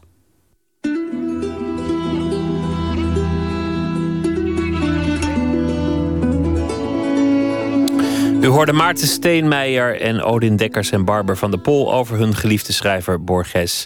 En daarmee zijn we aan het einde gekomen van deze aflevering van Nooit meer slapen. Morgen na middernacht, dan zijn we er weer. En uh, dan gaan we praten met singer-songwriter Tim Knol over zijn nieuwe plaat en uh, wat verder ter tafel komt. Ik wens u een hele goede nacht en uh, morgen een mooie dag. En straks op deze zender kunt u luisteren naar de EO. Ik wens u nogmaals een goede nacht.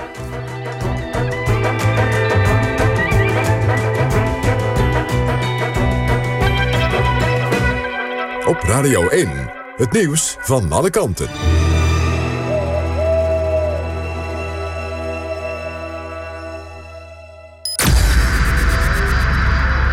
De politie vraagt in verband met een urgente vermissing van een minderjarige uw aandacht voor een Amber Alert. Voor meer informatie verwijzen we u naar teletextpagina 147, omroep.nl en de publieke televisiezenders.